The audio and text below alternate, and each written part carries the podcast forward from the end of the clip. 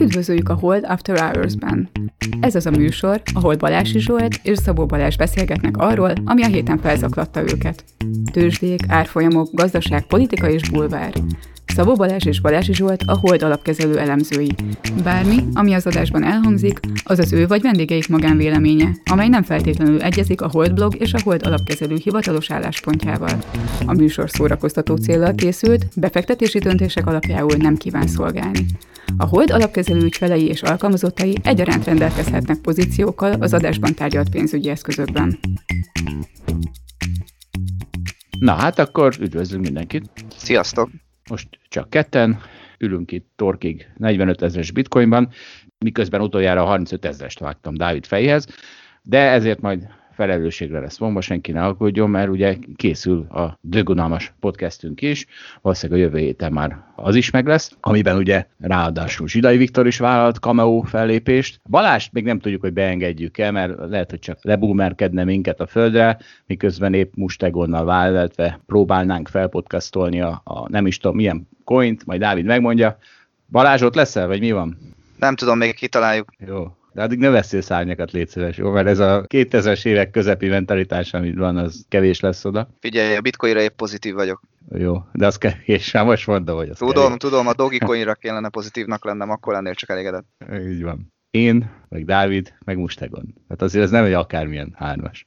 Na, de hát az a helyzet, Balázs, hogy azért a bitcoin talanságomnál sokkal nagyobb sikerek is vannak az életben, mert ha berakom Excelben, akkor azt hiszem jelenleg én vagyok a legnézettebb rock'n'roll táncos az országban, már ha van ilyen kategória, hogy rock'n'roll táncos, és nem csak én raktam össze. És érdekel, ugye már beszéltem a múlt héten, de hát az a helyzet, hogy egyszer jó, jó helyen kell táncolni, mert én szoktam a legtöbbet táncolni az egyik zenekar szakszofonosának a barátnőjével, Kittivel, a másik zenekar szakszofonosának a barátnőjével, Vikivel, a harmadik zenekarhoz oda saját jogon verekedtem be magam az utazó csapatba, de óriási tanulságok vannak ebből az egész élménytúrából, és egyrészt Balázs, ez nekünk nagyon fontos itt a podcastben, ugye mi is küzdünk a hallgatottsággal, és ennek a szervezője, ennek az egésznek a szervezője, a Stream on You is posztolgat rendesen Facebookon, hát nyilván nyomják ezt a social media kampányt, és akkor most tőlük idézek, Tegnap a Blackwater bulián átléptük a bújdös százezres elérést.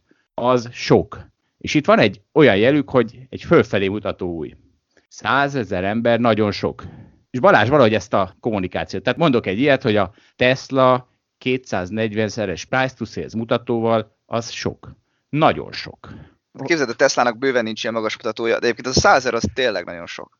Ez Covid hatás, most élvezzétek ki. Monopólium vagytok. Egyértelmű.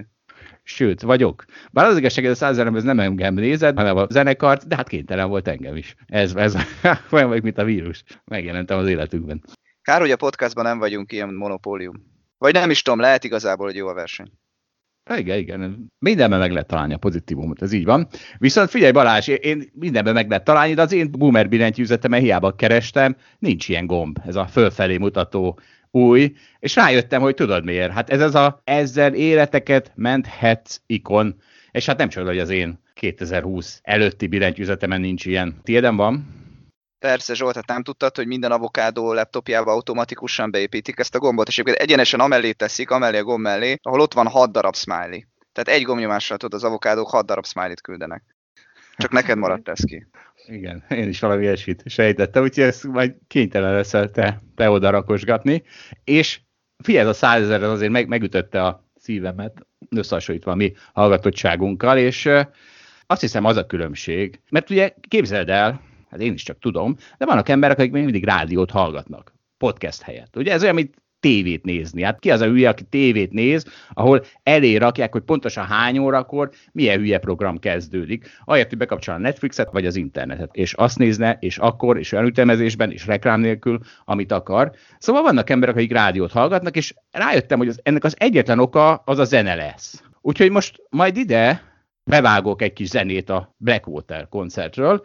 Nem tudom, hogy mennyit, mert nem tudom, milyen hangulatban leszek, amikor ezt vágom, de legalább ismerős dallam lesz a hallgatóknak, és az a helyzet, hogy az az óriási különbség, hogy ezen én ott tomboltam élőben, majd ahhoz is rakunk be linket, úgyhogy még egyszer köszönet a szervezőknek, köszönet a Steamonyúnak, köszönet a Blackwaternek, köszönet mindenkinek.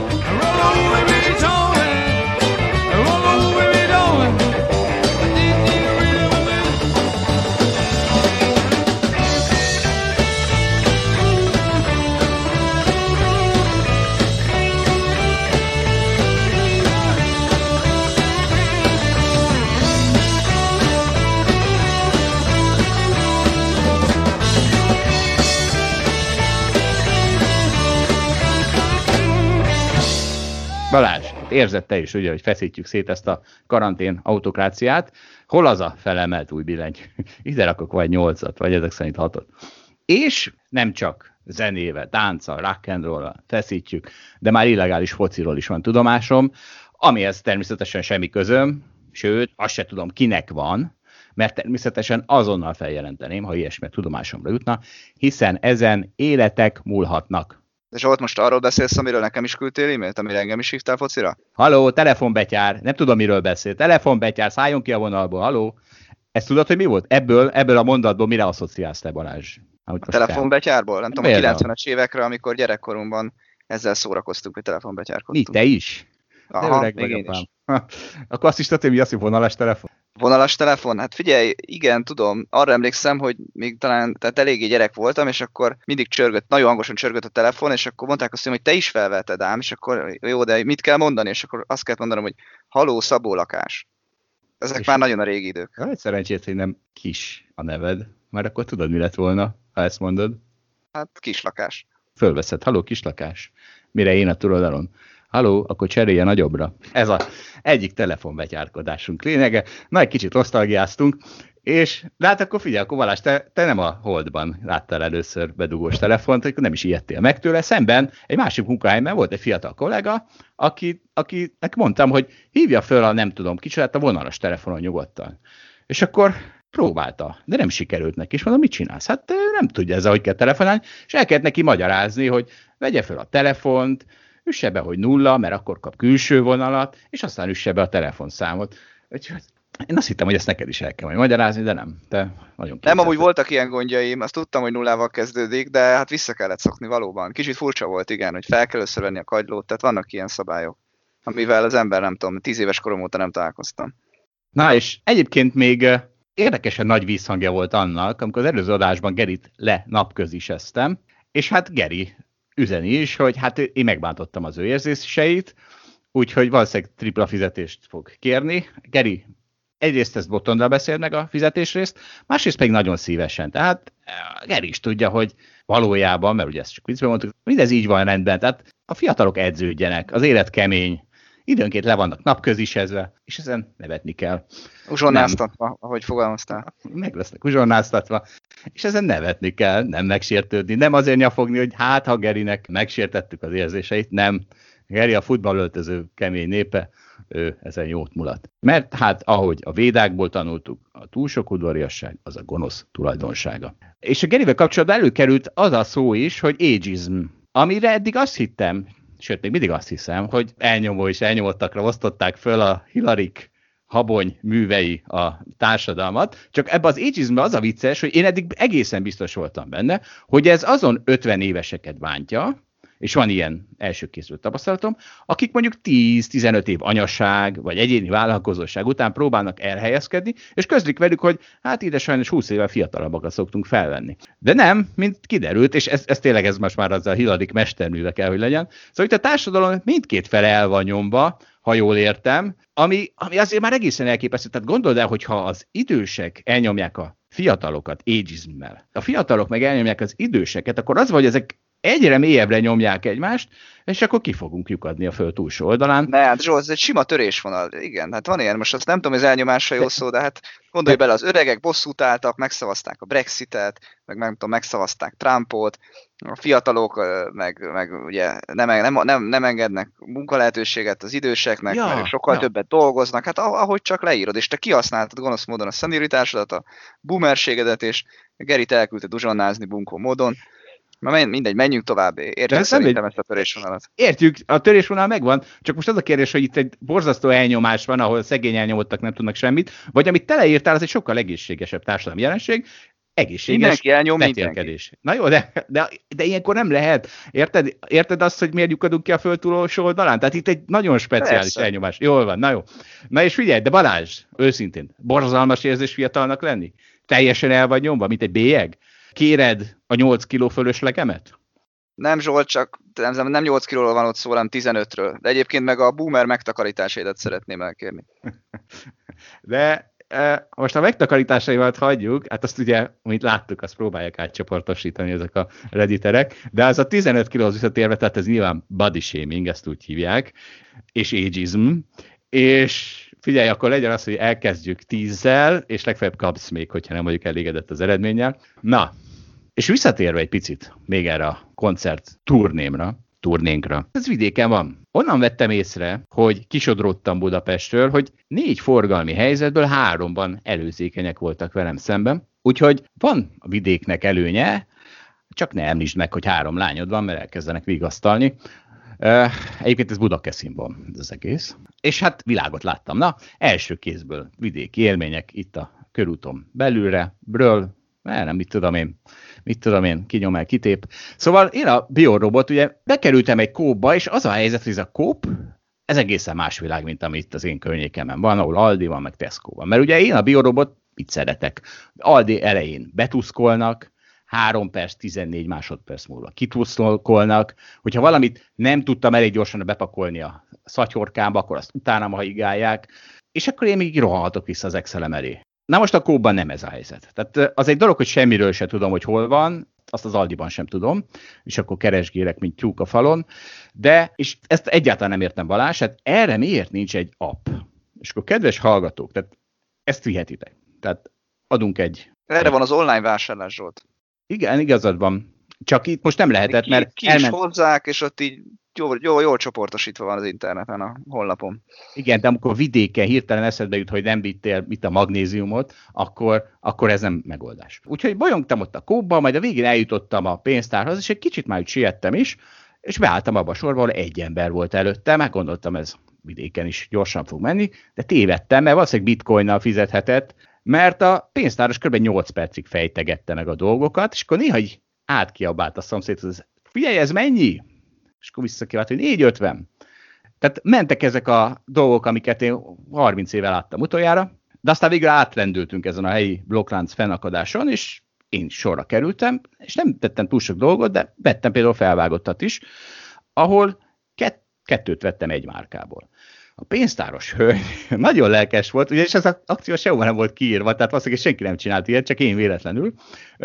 Pénztáros hölgy lelkese, hogy ezért sors egy jár, kaparós, kaparós szors egy, és mondom, á, köszönöm szépen, ezt nem kérem. Tehát nyerhet vele még egy felvágatot. Én nem, én köszönöm, adja oda a következő hölgynek, ő biztos örül majd neki, tényleg örült neki.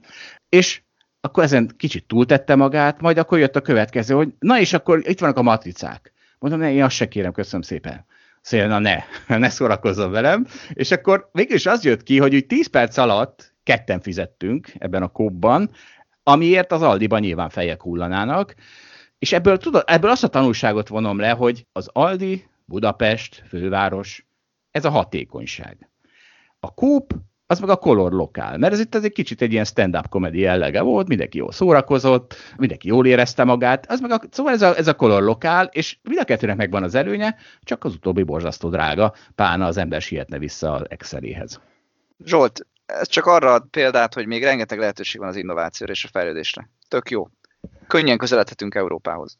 Igen. Na figyelj, ha már Európa. Mert ez a, ez a 450, mert ugye azt kérdezte, hogy hogy 450, mennyi az? Visszakérdezte, hogy 450. Kicsit később megkérdezte, hogy mit mondtál, mennyi? 750. Tehát hogy ugye ez a 450, 750, ez egy neuralgikus pont a ember életében, vagy a magyar nyelv életében, vagy a kóp életében. De nem csak a kóp életében, ugye ahol dolgoztam korábban, volt egy nagyon jó sztori erről, hogy egy, egy intézményi broker mellett ültem, akinek ugye nagy ügyfelei vannak, és akkor tájt jelent meg a, szem a Sberbank a tőzsdén, és akkor ő úgy döntött, hogy most akkor a, a intézmény ügyfeleivel fog Sberbankot vetetni. És akkor át kiabált a, a, annak a brokernek, aki épp látta a Sberbank árfolyamat, hogy fél, mennyi egy ilyen Sberbank, és akkor visszakibált, hogy 240. És akkor az intézmény broker elkezdte hívogatni az ügyfeleit, kiszámolta, hogy mennyit kell venni mindegyiknek, szépen veszegették. Majd egy ideje már csinálta, amikor valahonnan kiderült, hogy a 240 az nem, jelenti, nem azt jelenti, hogy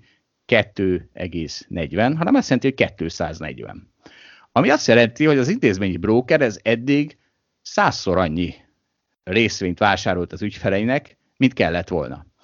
Úgyhogy egy kicsit elsápadt, majd, majd dupla sebességre kapcsolt, és elkezdte még egyszer hívogatni az ügyfeleit, meg akiket még nem hívott föl, és sokkal nagyobb size-ra kezdte el őket rábeszélni, hiszen a nyakába szakadt egy óriási adag Sberbank, amit nem szeretett volna. És aztán a végén nagyon elégedetten tette el a telefont, hogy na, sikerült kiszórni. Na, tele vagyunk. Hiszem ez a CFA etika könyvnek nem felelt volna meg. Nem, ebben nem a volt viselkedés, ez... tevékenység. Nem tudom. Nem, nem volt ez nem Én etikus. tudom.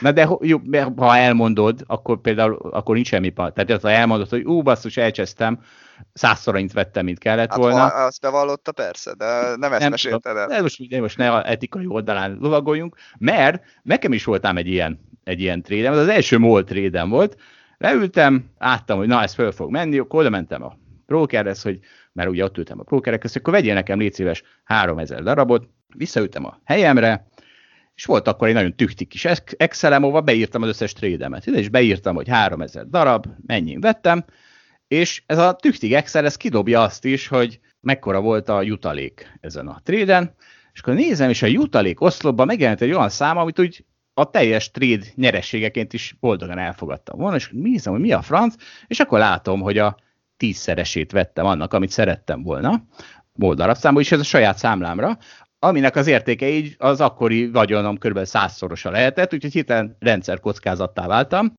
és, és akkor itt Balázs ne itt nem tudok nem visszautalni a te büszke 50%-os részvény kitettségedre, tehát érted, a mi időnkben, meg broker, broker időkben... A, azt... becsülöd ezt a számot, Zsolt, de most nem javítom ki, igen, mond.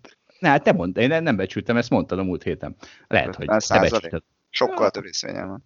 Jó, oké. Okay. Ja, ja, ja, ezt keverjük itt az alapomat. Kevertük, igen. Vagyis nem, te keverted. Én, én nagyon, nagyon tisztában vagyok vele azzal, hogy mi itt a Reddit viharos időkben mi, mivel lehet labdába rúgni. Na, szóval ott tartottuk, hogy rendszer kockázattá váltam. Akkor ezek szerint a teljes vagyonot tízszerese volt a terv? Hát figyelj, egyrészt nem volt vagyonom, mert kispolgári elnyomott néprétegből származó. Még talán is lehet, hogy itt eszkimó is vagyok. Viszont, ahogy mondtam, fiatalon az embernek nem a stok állománya vagyona, hanem a jövőbeni képességeiből származó flow, és akkor ha ehhez viszonyítjuk, akkor már nem volt olyan durva az a kitettség. És ha már vidék, szerintem ezért kell elköltözni vidékről már elnézést, hogy óriásit nőjön a jelen értékem, ugye ők akkor fognak megfizetni rendesen a, a képességeimet, és ezért óriási luxus vidéken lakni. Tehát, hogy a hatékonyság helyett a color lokált választani, mert megvan az előnye, ez egy óriási extra kényelem, hogy ott növök föl, ahol születtem, nagyon jó. Csak ezért felháborító árat fizet az ember. És, és ugye ez a luxus definíciója, hogy egy extra kényelemért valami abszurd árat fizetek, azzal fizetem ki, hogy megelégszem a alacsony hatékonyságú munka alacsony fizetésével, ahelyett, hogy elmennék és megkeresném azt, ahol rendesen jár pénz. De Zsolt, én nem értelek, hát akkor ennyire Budapesten lakni is egy luxus. Hát New Yorkban kéne dolgozni mindenkinek, meg Szingapurban, meg Los Angelesben. Igen. Igen. Akkor mit keresel te itt? Luxus. Élem a luxus életemet. Ja jó, de akkor engedd meg másoknak is, hogy a luxus életüket éljék a mondtam, magyar vidéken. Bocsánat, én nem mondtam, hogy nem élhetik, csak legyenek tisztában, hogy ők ott luxus életet élnek. Azért figyelembe kell venni, Zsolt, hogy van, akinek nincs lehetőség elköltözni. Ebben igazad van, ebben is igazad van, csak abban meg szerintem nekem van igazam, hogy ezek az emberek, akik azt mondják magukról, hogy hát én nem költözhetek el, azoknak valójában a maximum 10%-a az, aki valóban nem költözhet el. Hát figyelj, ezt nem sokkal több, most gondolj családi helyzetekre, iskolázottságra, egyebekre. Nem ilyen egyszerű ez. Na, de menjünk tovább. Pont erről beszél. Na jó, oké. Hát az pont. nem 10%, aki, nem, aki nem, nem, nem, nem, nem, azt, nem, nem azt mondtam, hogy 10%, azt mondtam, hogy azok az emberek, akik azt mondják magukról, hogy ők nem költözhetnek el, mert A, meg B, meg C, azoknak valójában a 10%-a az, aki nem költözhet el. Ja, így értelek most már. Ennyi bölcsességhez jutottam a vidéki turné, turnénkból. Úgyhogy most már térjünk is rá valami szakmai témára. Túl Elkezd. sok volt most már a személyes tapasztalatodból. Elkezdünk, elkezdünk közeledni. Zsidai Viktor engedélyével, ugye folyton levelezünk mi erről a vírusról is, hiszen ő a mi járványügyi fundamentális elemzőnk, és felolvasok tőle néhány mondatot. Én azt feltételezem, hogy kb. tavaszig két millió ember esik át a betegségen, ők immunisak, és nyáron korán sem kell annyit leolta, be, beoltani a szezonalitás miatt. Tehát nyáron nem 60% kell a nyári immunitáshoz, hanem mondjuk csak 40%. Tehát, ha még beoltunk a megbetegedettek fölött még 2-3 millió embert, akkor már nincs semmi probléma. És a HVG egy ábrája szerint április közepére 3 millió ember már megkaphatja az oltást, a második oltást is, az fontos, hogy a másodikat, és azt mondjuk nem tudjuk, hogy be is adják el, mondjuk, hogy sikerül-e beadni, de akármerről nézem. Sikerül, Viktor, sikerül. De akármerről nézem, mondja Viktor, májusban totális összeomlásban lesz már a betegség. És ugye erről cikkeznek a sajtóban is, és nagyon feldőltem, volt egy olyan pillanatom, hogy itt már megint, megint megy ez a én rettegek a saját rongy életem miatt, én a 40 éves újságíró, ezért úgy csinálok, mintha nyájúmintásnál lehet csak nyitni. Hát a francokat, ha beoltjuk a legveszélyeztetebb réteget, ami kettő, vagy maximum három millió ember, nincs annyi, kettő, akkor már nyugodtan lehet nyitni. Mert ugye erre mi volt Viktor válasza, hogy de hát nem veszem figyelembe azt, hogy egy csomó nem hajlandóak beoltatni magukat a veszélyeztetett rétegből. Na és itt már aztán tényleg kezdem elveszíteni a pipámat, vagy hogy mondják ezt magyarul, mert mi az, hogy valaki kitalálja, hogy ő, ő neki az veszélyes az a vírus, mármint vakcina, a teljesen veszélytelen vakcina. Nem oltja be magát, magyarul öngyilkos szeretne lenni, és ezért én én nem menjek el táncolni. Tehát ez, ez már annyira abszurd, ez már pont olyan szerintem, mint hogy azt mondanánk, hogy mivel lehet, hogy XY a autó alá akarja vetni magát, vagy a vonat alá, vagy a metró alá, ezért tiltsuk be az autózást, a vonatozást, meg a metrózást. Mi erről a véleményed, Balázs? Hát az öngyilkos akar lenni, az talán túlzás, tehát hogy egy szintig lehetni empatikus azzal, hogy valaki fél az oltástól. Tudom, hogy nem vagy az, és egyébként én sem vagyok nagyon az, de ez egy picit más. Értem a párhuzamot, nem tökéletes, nem tökéletes. Még azt akarom mondani, hogy már mindig azt mondod, hogy mennyire unod ezt a vírust, újra és újra előkerül minden podcastban, pedig ígéret, hogy már ez egy, ez egy halott téma, ez már megoldotta a tőzsde, és tényleg egyébként én már lassan jobban unom, mint te. A tőzsde megold. De hát apám, hát, hát mi, mi, nem mehetünk ki még mindig. Tehát azért még azért mindig itt van a vírus az életünkben. Még mindig illegális focik szerveződnek, tudtamon kívül üzenem a Az, az nagyon jó, de szerintem ez egy hónap múlva meg fog változni, tehát azt már tényleg ki lehet bírni, nagyon rossz egyetértek. Egyébként Görögországban még most éppen, éppen még újra bezártak, azt hiszem meg kinyitottak, és most amihez újra be kellett zárniuk, úgyhogy arra még esett a tőzsde, úgyhogy szalad gyorsan még venni az utolsókat, mert már több lehetőséget nem ad neked a vírus, használd ki, próbálj meg ennek örülni. Egyébként volt egy eh, hallgatói kommentünk is, egy nagyon intelligens komment, vagy levél, arra vonatkozó, hogy már pedig ő igenis fiatal ember, és az igenis teljesen racionális, hogy ő nem akarja beoltatni magát, és linkelt egy oldalt is, ahol föl vannak sorolva, hogy a gyógyszeripar milyen különböző rossz gyógyszerekkel állt elő, ami, amire mindenki azt hitte, hogy nem árt, és aztán később kiderült, hogy de mégis. És erre azt tudom mondani, hogy ha összeraknék egy globális pánikkampányt mondjuk a közlekedés ellen, akkor legalább ennyi munícióm lenne, mint az oltás, meg a gyógyszer ellenességnek, vagy a túlzott Covid hisztinek is, és mégis az nyilvánvalóan hülyének lennék nézve. Vagy mi az, hogy ne autózzak, csak mert évente 25 ezeren belehalnak, ugye mondhatnák azok, akik autózni szeretnének. Mi az, hogy egy gyilkos vagyok, csak mert halálos tömegű és sebességű eszközzel közlekedek a bicikli helyett? Tehát az a helyzet, hogy ezt egy, ezt egy nagyon menő sportoló küldte, aki az oltástól jobban tart, mint hogy valami olyan szövődménye le- legyen egy esetlegesen elkapott Covid-nak, amitől mondjuk kénytelen abba a karrierét. És lehet, hogy igaza van. De egészen biztos vagyok benne, hogy nem az történt, hogy ő összehasonlította, hogy melyik valószínűségben hány nulla állt. Mert annak az esélye, hogy egy olyan szövődménye lesz a koronavírusnak számára, fiatal ember számára, hogy drasztikus következményei vannak, az borzasztó kicsi az esélye, kerekítve 0%, mint ahogy annak is, hogy a vakcinától neki bármi baja legyen, annak is kerekítve 0% az esélye. De biztos, hogy nem ezeket a nullákat hasonlította össze, hanem ez, amire Csertomi nagyon jól rámutatott, ez az illusion of control bias. Azért szeretem a nem vakcinát jobban, mert azt hiszem, hogy a vírus ellen az ellen én védekezek, mint ahogy azért szeretem az autózást jobban, bár tudjuk, hogy sokkal veszélyesebb, mint a repülés, mert az autózásnál az én kezemben van a kormány. Figyelj, először agyreagáljak az autózásos és a covidos párhuzamodra. Tehát azért a covidnál még mindig arról van szó, hogy egyszerűen védeni kell az egészségügyet, ami túlterhelődhet. Most szerencsére ennek már egyre kevesebb az esélye, és nyilván az egészségügy most kevésbé van túlterhelve, mint mondjuk decemberben volt, tehát ez egy jó dolog, de azért értsd meg, hogy ott, ott van, egy, van egyszerűen egy fal. Az autózásnál is, ahogy mondod, meg a Kresszel is ugye végül is feláldozunk embereket azzal, hogy gyorsabbak vagyunk, de veszélyesebbek, és nyilván közlekedni kell, és lesz, aki minden évben meg fognak halni az utakon, és ez, ez úgymond vállalja a társadalom.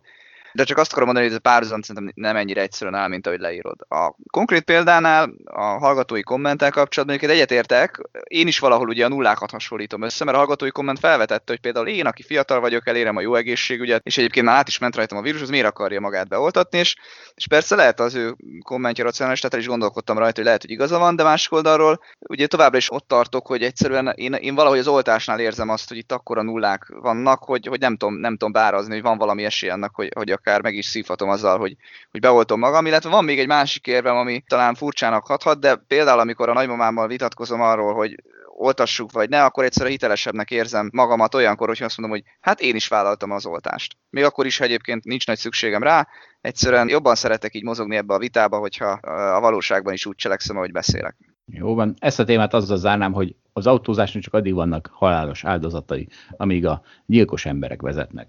Önvezetéskor már nem lesz. Na és most, kedves hallgatók, egy kicsit most szoftosabb a piac, majd beszélünk arról is, ezért most több olyan témát hoztunk, ahol valami érdekességet próbálunk közgazdasági szempontból megvizsgálni, és akkor ennek jegyében az első témánk, tessék Balázs a tiéd. Így van, így van. Ugye szokásos pénteki napon a miniszterelnök úr értelmezte a világot, és beszélt egy csomó mindenről, és lett egy ilyen megjegyzést, hogy a gyermek az egy közjószág. És az én nagyon egyszerű interpretációm az, hogy mint oly sokszor, ez egy polgárpukkasztás volt. Ez ez a megjegyzés egy polgárpukkasztás volt, úgyhogy Zsolt, szerintem mi azért se pukkadjunk meg, és főleg azért ne pukkadjunk meg, mert hogy ez egy közgazdasági fogalom volt, amit használta a miniszterelnök úr, úgyhogy végre adott egy kis lehetőséget, hogy erről beszélgessünk. Egyébként az, hogy mi az, hogy közjószág? Én azt hiszem 19 éves koromban találkoztam először, amikor Pete Péter tanár úr a bevezetés közgazdaságtan órán beszélt nekem erről, és ugye hát ez a jószág szó, én megmondom őszintén, nekem a jószág az a, az a tehén. Tehát a lelki szemeim előtt nekem is a bevezetés a közgazdaság órán a, a jószágról mindig a tehén jutott eszembe, aztán valamelyik okos patásom elmagyarázta, hogy ez a jószág az valójában a javaknak az egyes száma, csak ezt így kell mondani, hogy jószág, és nekem erről valamiért mindig a tehén jutott eszembe. De aztán, amikor az ember már elég sok közgazdaság órára jár, akkor előbb-utóbb megérti, hogy mi is az a közjószág, és annak rájön, hogy a tehénhez igazából semmi köze nincsen. De és egyébként mi az a közjószág, és akkor itt átfordítom a dolgot a polgárpukasztásról teljesen a közgazdaságtani fogalom irányába.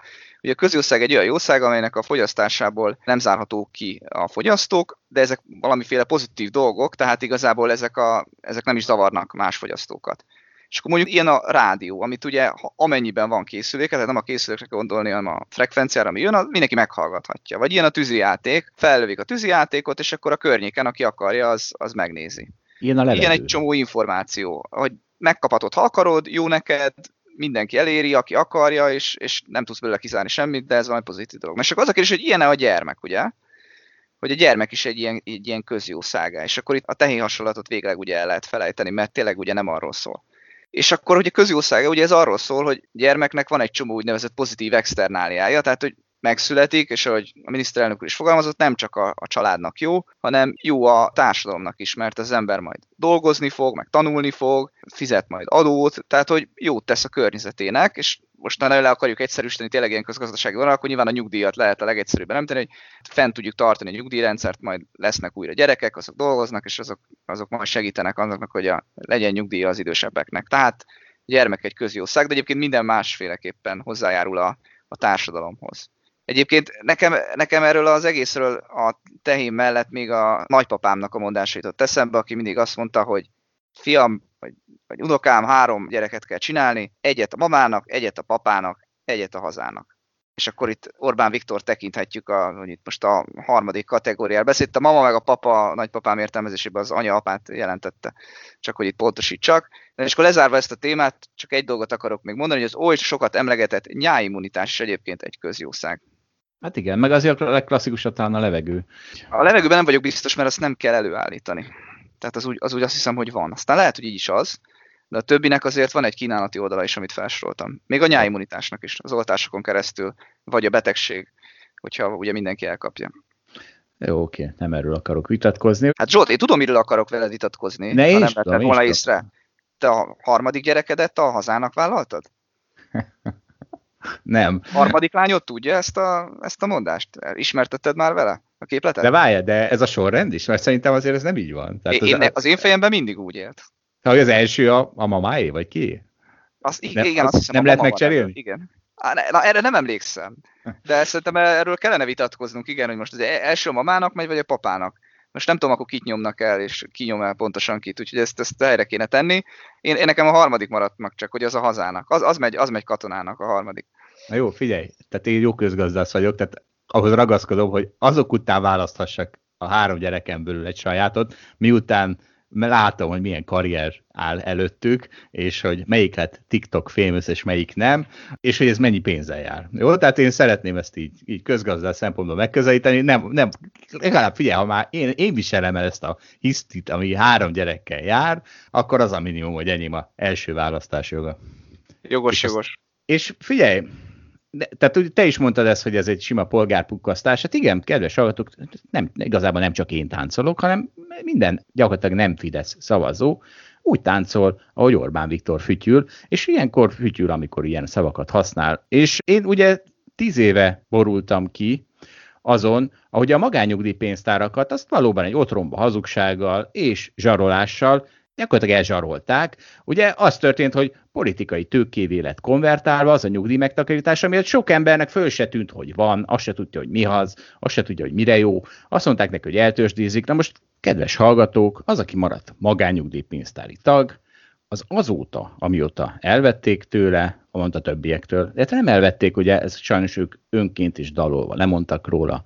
Szóval, akik akkor lemondtak róla, azoknak ez a magányugdíjpénztár megtakarítása most arra, hogy körülbelül egy olyan 150-200 százaléka, tehát könnyen lehet, hogy a háromszorosát éri annak, mint amit akkor vagy megkapott, vagy nem kapott reálhozam formájában. Szóval ennyit az eltősdézésről, és figyelj, hát közszolgálatiság. Úgyhogy azért nem, nem, nem kell ezeken kiborulni. Ezek tényleg arról szólnak, ez pontosan arról szól, mint ahogy a Hillary pártja azzal hergeri a népet, hogy Black Lives Matter, azzal, azzal hergeri, hogy klímakatasztrófa, azzal hergel, hogy ageism, meg szexizm, meg stb. Orbán Viktor ezzel hergel, és óriási előrelépés az, hogy nem hergelődünk. És azért a felkészülés jegyében megmondom, hogy mi lesz a közeljövő egyik hergelő témája, a szingli adó. Amitől gondolom, most mindenki kiborult. Szingli adó, hát ez a legdurvább szó a világon. Mi az, hogy megbüntessük azokat, akiknek, valószínűleg nem is a szingliket, ugye, hanem a gyerekteleneket. Tehát mi az, hogy megbüntessük a gyerekteleneket? Hát milyen dolog ez? És az a helyzet, hogy ez egy olyan dolog, ami az egész világon és Magyarországon is konstans folyik, csak nem meri senki úgy hívni, hogy szingli adó, hanem például Magyarországon úgy hívják, hogy családi adókedvezmény. A családtámogatás is az, meg a családi adókedvezmény is az. Ugyanis az történik, hogy mondjuk Balázs és köztem van három gyerek különbség, az én személyi jövedelem az majd nem tudom mennyi, mondjuk 15 százalék, Balázsé mondjuk 30 százalék, ezt ugye kétféleképpen lehet elérni. Vagy úgy, hogy azt mondjuk, hogy mindenkinek 30 százalék, és akinek van három gyerek, annak 15 százalék, és akkor mindenki tapsol, vagy úgy, hogy azt mondjuk, hogy mindenkinek 15 százalék, kivéve aki szingli, vagy nincs gyereke, mert annak 30 százalék. És hajszál pontosan ugyanott vagyunk, mint most, csak másképp neveztük el, és az, ez az egész világon így van. Tehát az egész világon van szingli adó. Senkinek így az, hogy nincsen. Mégis én szerint, én nagyon nagy tétbe merek fogadni arra, hogy Orbán Viktor egyszer csak elő fogja venni ezt a szót. Zsolt, eljutott eszembe, hogy én valójában nem is a megtakarításaidra vagyok irigy, csak azért, mert nem tudom, 20 évre idősebb vagy. Sokkal irigyebb vagyok a szabadságnapjaidnak a számára. Most láttam a kimutatásban, hogy neked 37 szabadságod van egy évben. Ez nekem meg azt hiszem 22. Hát ez is Azt- milyen már. Azt elhiszem. A- Arra én is irigykedtem volna, 20, nem tudom hány éves vagy te, 21, 22, szóval én is irigykedtem volna ilyen zöld, zöldfülű koromban a derék üzemre. De figyelj, de akkor ilyenkor jusson eszedbe, tudod, hogy nekem már csak tudom, 60 éven van, neked meg még lehet, hogy 120. Ugye, jusson eszedbe az a 8 kötője 15 kiló, ami, amit már, amiről már beszélgettük. Szóval azért vannak hátrányai ennek a vénkornak. Na figyelj Balázs, akkor menjünk egy kicsit menjünk a neked fájó témára, ne haragudj, nekem is, igazából nekem is fáj, most együtt fájunk. Mert az történt, hogy Mustegon kitvittelte, vagy nem is tudom, mit csinált, bemondta, vagy jelentett a Tesla, mindegy, tök mindegy, mit csinált a Tesla. Most ebben a pillanatban a bitcoinnak gyújtott alá, bemondta, hogy másfél milliárd dollárért vett januárban bitcoint, ami azt jelenti, és ez óriási is most szólok, hogy mindannyian, kedves hallgatók, valószínűleg mindannyian rohadt idegesek leszünk a következő hónapokban is, ahogy újabb és újabb cégek mennek majd bitcoinba. És, és emlékszünk, ugye, hogy tavaly itt közvetítettem, élőben kapcsoltam azt a podcastet, ahol a csávó mondta, hogy ah, nem tudom, kik után majd kik vásárolnak, meg azután majd kik vásárolnak, és ezt a folyamatot látjuk folyamatosan, amiközben a bitcoin szépen megy föl százezerbe, vagy négy csilliárdba, tök mindegy, és mi meg itt nézzük, mujám, na mindegy. És hát ugye kivéve azok, akik valóban tökig ülnek bitcoinban, de tőlünk mi többiek meg még idegesebbek leszünk. Na mindegy, jövő héten jön ez a tök unalmas különkiadás, akkor, akkor majd felelősségre vonom Dávidot, ezt már mondtam. Zsolt, figyelj, kötelezően kérlek arra, hogy a következő podcastban hozzá néhány olyan dolgot, aminek azt gondolod, hogy esni fog az ára. A teszádból még olyat nem lehetett hallani, hogy valaminek csökkent, és az ára szerinted mindig minden nőni fog. Nem gyanús ez egy kicsit? Valás, hát ez a félig teli, félig üres. Igazából bitcoinban mérve mindennek esik az ára, tudod jól. Tehát parancsolj, hoztam egy csomó mindent. Gyakorlatilag mindent hoztam. Egyébként figyelj, ha Orbán Viktor mondására azt mondtuk, hogy polgárpukkasztás, akkor Elon Musknak is erre, a, erre a bitcoin vásárlására is azt gondolom, hogy ez egy polgárpukkasztás. Hogy, hogy? Azt gondolom, hogy nyilván ő elsőként akarta ezt meglépni, megint üzenni akart a világnak, hogy ő ennyire bátor, hogy ő ezt is megmeri húzni. Egyébként valóban ez a másfél milliárd nem is nagyon kevés, nem is nagyon sok. Nyilván a kapitalizációjában a Teslának ugye nagyon kevés, ugye, ugye az annak arányában nagyon kevés, hogy mit gondolnak a Tesla jövőjéről, de a Teslának a mindennapjét tekintve sem veszélyes ugyan, de azért mondjuk a Teslának, ha van 10 milliárd dollár kese, akkor abból másfél milliárd dollárt elkölteni bitcoinra, hát azért lehet rajta szép bukó is. Bár tudom, Zsolt, mindig minden felfele megy, úgyhogy ezzel nem kell aggódni. Nem is értem, miért nem vett mindenki bitcoin. Hát én is erről beszélek. Egyébként nem csak ez igaz, hanem a Tesla is egy fiatal cég. Tehát ott is nem a stockot kell nézni, a stock vagyonát, hanem a flow vagyonát. És hát ugye mindenki azt nézi, tehát nem véletlenül van. De Zsolt, a Teslának számolni kell a jövő évi cashflow ami, ami mondhatod, hogy az a rövid táv, de hát valahogy túl kell élnie. De hát a Tesla olyan áron tud tőkét bevonni, hogy hát ne hogy hülye lesz. Tehát most akármennyibe tud vonni, érted? Ezzel, ezzel most persze egyetértek, nyilván így van, de mondjuk három éve voltak cashflow gondjai, és akkor azokra azért tudott nagyot esni az árfolyam, amikor lényeg, hogy hát el fog fogyni sajnos a pénz meg itt, úgyhogy újra be kell vonni.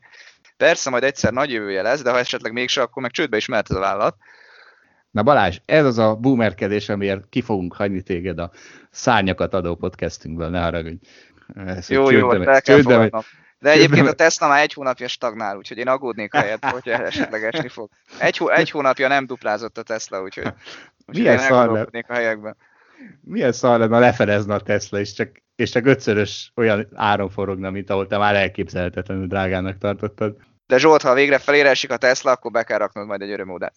Jó, oké, okay, a kedvedért. Akkor Vissza, te... Akkor, akkor, akkor visszatér, a, akkor megmentik a be, meg, az élet megmenti a becsületemet. De akkor a te boomer örömodád jön, egy gyászinduló. Jó van, ezt majd még megegyezünk benne. A gazdasági hír a Reutersra héten Zsolt képzelt, hogy két dologra költenek többet az emberek, alapvetően mióta ugye bezárások vannak, és ez a Q4-et vizsgálta, amerik- amerikai a cikk, és ez a két dolog nem más, mint az egyik természetesen részvény, a másik pedig a lakásfelújítás. Erre megy a nagy pandémia megmentés? Úgy látszik, erre megy a pandémia megmentés. Hát igen, ez érdekes. Aztán képzeld el, hogy a cikk végén a te kedvedér még megjegyzik, hogy nő az egyenlőtlenség. Na, ez, na... Állakú recesszióról beszélnek, hiszen ugye a rágazdaságban dolgozó alacsonybérű munkásoknak egy viszonylag jelentős részét rúgták ki a munkahelyről, vagy építették le. Ezzel szemben a gazdagok, akik részvényen rendelkeznek, azok csak még gazdagabbak lettek, hiszen hát értjük, a részvénypiac eléggé jól teljesít. Azt hittem, hogy, hogy oda bökik még, hogy hányan haltak meg a pandémiában, vagy valami. De igen, most már kezdi lecserélni újra a klímahiszti, meg a... Meg hogy egy, egyenlőtlenség hiszti. Az előbb arra kértelek, hogy hoz majd valami olyan terméket, részvényt, bármi, aminek szerinted esni fog az ára, akkor, de szintén még egy ilyen házi feladatot adnék neked a következő podcastra. Hoz már olyan társadalmi problémákat, amikről azt gondolod, hogy nem hiszti. A PC. Ha ugye most megfogtalak, a ezért egy-két képződési Maga a PC. A PC jelenség. De hát itt már minden héten hisztizek. Látom, hogy torkol, benned ragadt a szó torkodónak adta szó, úgyhogy... Hát mert hogy ilyen hülyeséget kérdezni, hát ott kiböki a szemedet, Balázs. Hát ott van a, a, a PC buborékod, ami ellehetetleníti az életedet. A PC Na, ez nem egy, nem egy társadalmi probléma, hanem... Hát hogy ne lenne az? Hát hogy ne lenne? Hát nem problémázok rajta eleget? PC Na, reagál társadalmi problémákra, ezt már megbeszéltük. És generálja ezáltal a saját társadalmi problémáját. Na figyelj, hát érted, most, na jó, nem, most ebben nem, most a PC-t kihagyjuk ebből az adásból. Most, igen, igen. Megpróbáljuk. Nem biztos, hogy sikerül. Nehéz, nehéz, de most sikerülni fog. Na viszont, és jut eszembe, ha már házi feladat. Hát azért én már a múlt héten mondtam, hogy lesz, aminek esik az ára, és, és tessék, Hát ugye GMS quiz. És óriási, tehát óriási mi maradt ebből a nagy GM Reddit hordákból? Az maradt, hogy most már ilyen még sok, sokkal viccesebb mémek maradtak, ugyanis itt van egy előtte, majd felrakjuk az alablogra, ahol egy ilyen óriási elánnal hadonászó, magyarázó ember, a fal tele van rajzolva tervekkel, és az a felirat, hogy ez én vagyok, ahogy a GMS quiz-t magyarázom a feleségemnek, és a terveimet, hogy hogyan szerezzük majd vissza a pénzünket. És ott van egy másik, ami szerintem még jobb, ahol Warren Buffett látható a képen, és a híres mondását idézik, miután mindenki szétbukta az agyát a, a, a GameStop-nak az esésén, tehát ugye lejött 550 dollárra. Ugye angol úgy szól, hogy be fearful when others are greedy, and be greedy when others are fearful, tehát akkor légy bátor, amikor a többiek félnek, és fordítva.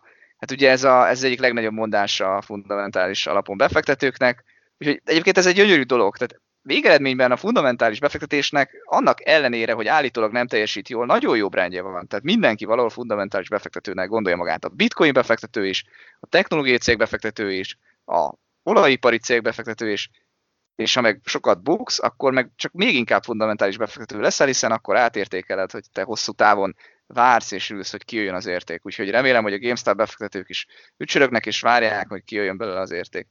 És tudod mi a probléma, hogy mi snob értékalapú befektetők nem engedjük be a klubunkba a frissen született GME és Bitcoin és Dogecoin fundamentális befektetőket, és ők, őket megpróbáljuk kitagadni belőle.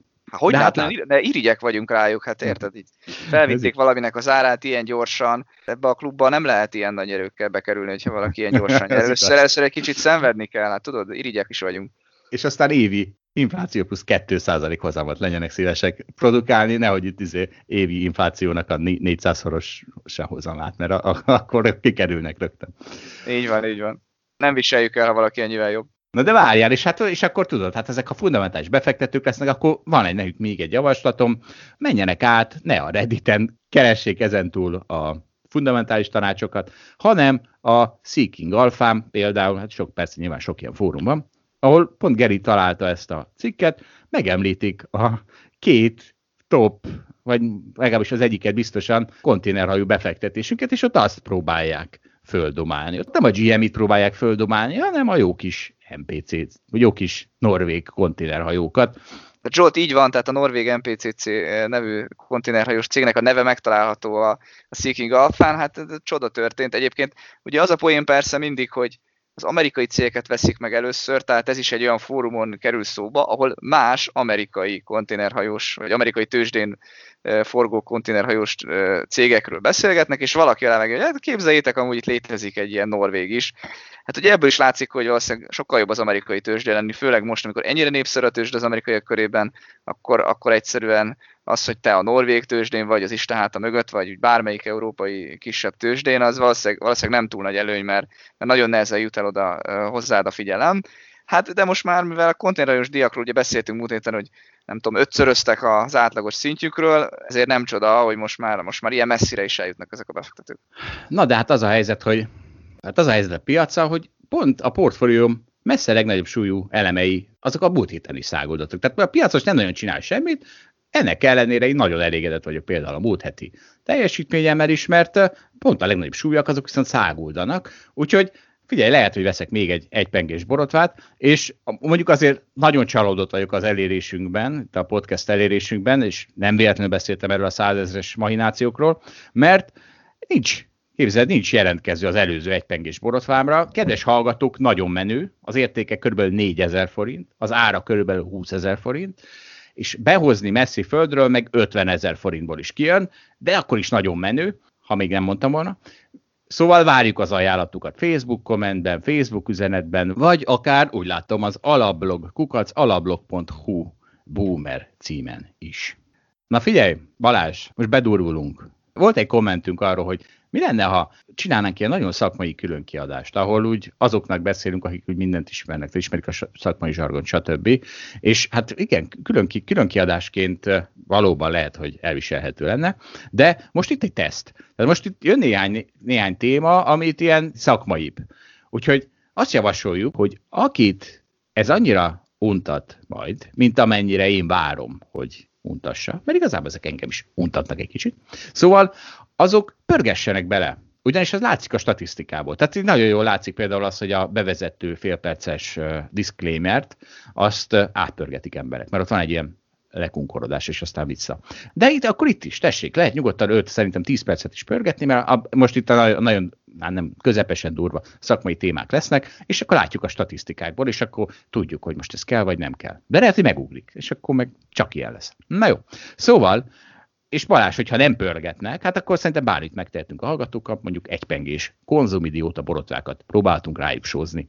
Na, nézzük az első ilyen komolyabb témát, mert ugye én például azon tökölök, de hát igazából sokan ezen tökölünk mostanában, hogy hogyan francba lehet az, hogy minden hangulatindikátor borzasztó magas, és nem hajlandóak esni a tőzsdék. Tehát például itt volt ez a, ez a GMS quiz, ez egy, ez egy olyan turbulenciát okozott, meg olyan VIX megugrást, ugye a VIX az a, az a volatilitás index, ami egy, egyfajta egy kicsit ilyen indexként is felfogható. Szóval olyan ilyen turbulenciát okozott, hogyha tényleg annyira jó a hangulat, hogy mindenkinek remeg a keze, hogy úristen, realizálni kell, mert mindjárt jön egy komolyabb korrekció, akkor ez egy nagyon jó ürügy lett volna rá, és, és nem sikerült. Tehát semmi eladás nem lett, S&P új csúcson, NASDAQ új csúcson, a value cégek, amik ott bedippeltek, azok is már nagyjából visszamentek oda, ahonnan dippeltek. Szóval egy borzasztó erős a piac. És hogy, hogy lehet az, hogy minden hangulatindikátor borzasztó optimistán hangulatot mutat, és mégis egyfolytában semmi olyan a piacnak, és ezt próbálom fejtegetni, és ugye erre több magyarázattal próbáltam előállni. Például a VIX az jelenleg 20 és 40 közt ingadozik, már úgy a 2020 második fél évétől kezdve, csak hogy ez korábban, még 2000 19-ben, tehát amikor, az, a, a, amikor még nem volt koronavírus, akkor ez mondjuk 10 és 20 között ingadozott folyton. Tehát nem jött vissza abba a teritoriumba, ahol az igazán nagy jókedv van. Ami, és ez még egy óriási felhajtóerő jelent, jelenthet, mert hogyha az a VIX lecsökken, akkor rengeteg például ilyen algoritmus trader, az azt fogja csinálni, hogy az ő modelljeikben csökkent a kockázat, mert ezek olyan hülyék, Elnézést, kedves algótréderek. Szóval ezek olyan hülyék, már amelyik nyilván, biztos nem mindig csinálja, olyan hülyék, hogy azt hiszik, hogy ha a visszamenő kockázatok alacsonyak, tehát azok az indikátorok, amik igazából a múltbeli piacmozgásból számolják a kockázatokat, azok alacsonyak, tehát alacsony kockázatot jelentenek, akkor, akkor alacsony a kockázat. De hát pont fordítva van, tehát pont akkor nő meg inkább a kockázat, amikor mindenki megnyugodott. És akkor kisebb a kockázat, mint ahogy a VIX is mutatja. Tehát amikor a VIX borzasztóan kilő, nagy pánikot mutat, akkor jó vásárolni. Ugye hát a márciusi koronavírus ilyen volt. És aztán, hogy megnyugszik a piac, úgy bizonyos szempontból nagyobb kockázatok lesznek, és, és persze hogy lehet vitatkozni azon, hogy melyik, melyik a valós kockázat. Ugye egy szépen lassan felfelé trendelő piac, amiben beleüthet egy koronavírus, és ezért nagy kockázat, vagy az a nagy kockázat, hogy beütött egy koronavírus, és ki tudja, lehet, hogy mind meghalunk, akkor most mikor van nagyobb kockázat? Balázs, mikor van nagyobb kockázat? Nem tudom, azért kicsit ilyen egyszerűen láthatod a világot, hogy a VIX és az árfolyam mozgása között ilyen összefüggés lenne, hogy akkor jó vásárol, amikor nagy a VIX. Hát persze ez általában igaz, mert ezzel annyit mondasz, hogy pánikban ugye nagyon jó vásárolni. A kérdés például, hogy az ellentetjével mi a helyzet, hogy amikor meg alacsony a VIX, akkor meg nem jó vásárolni. Hát ezt nem mondanám, egy csomószor alacsony a VIX, és, és mégis jó vásárolni.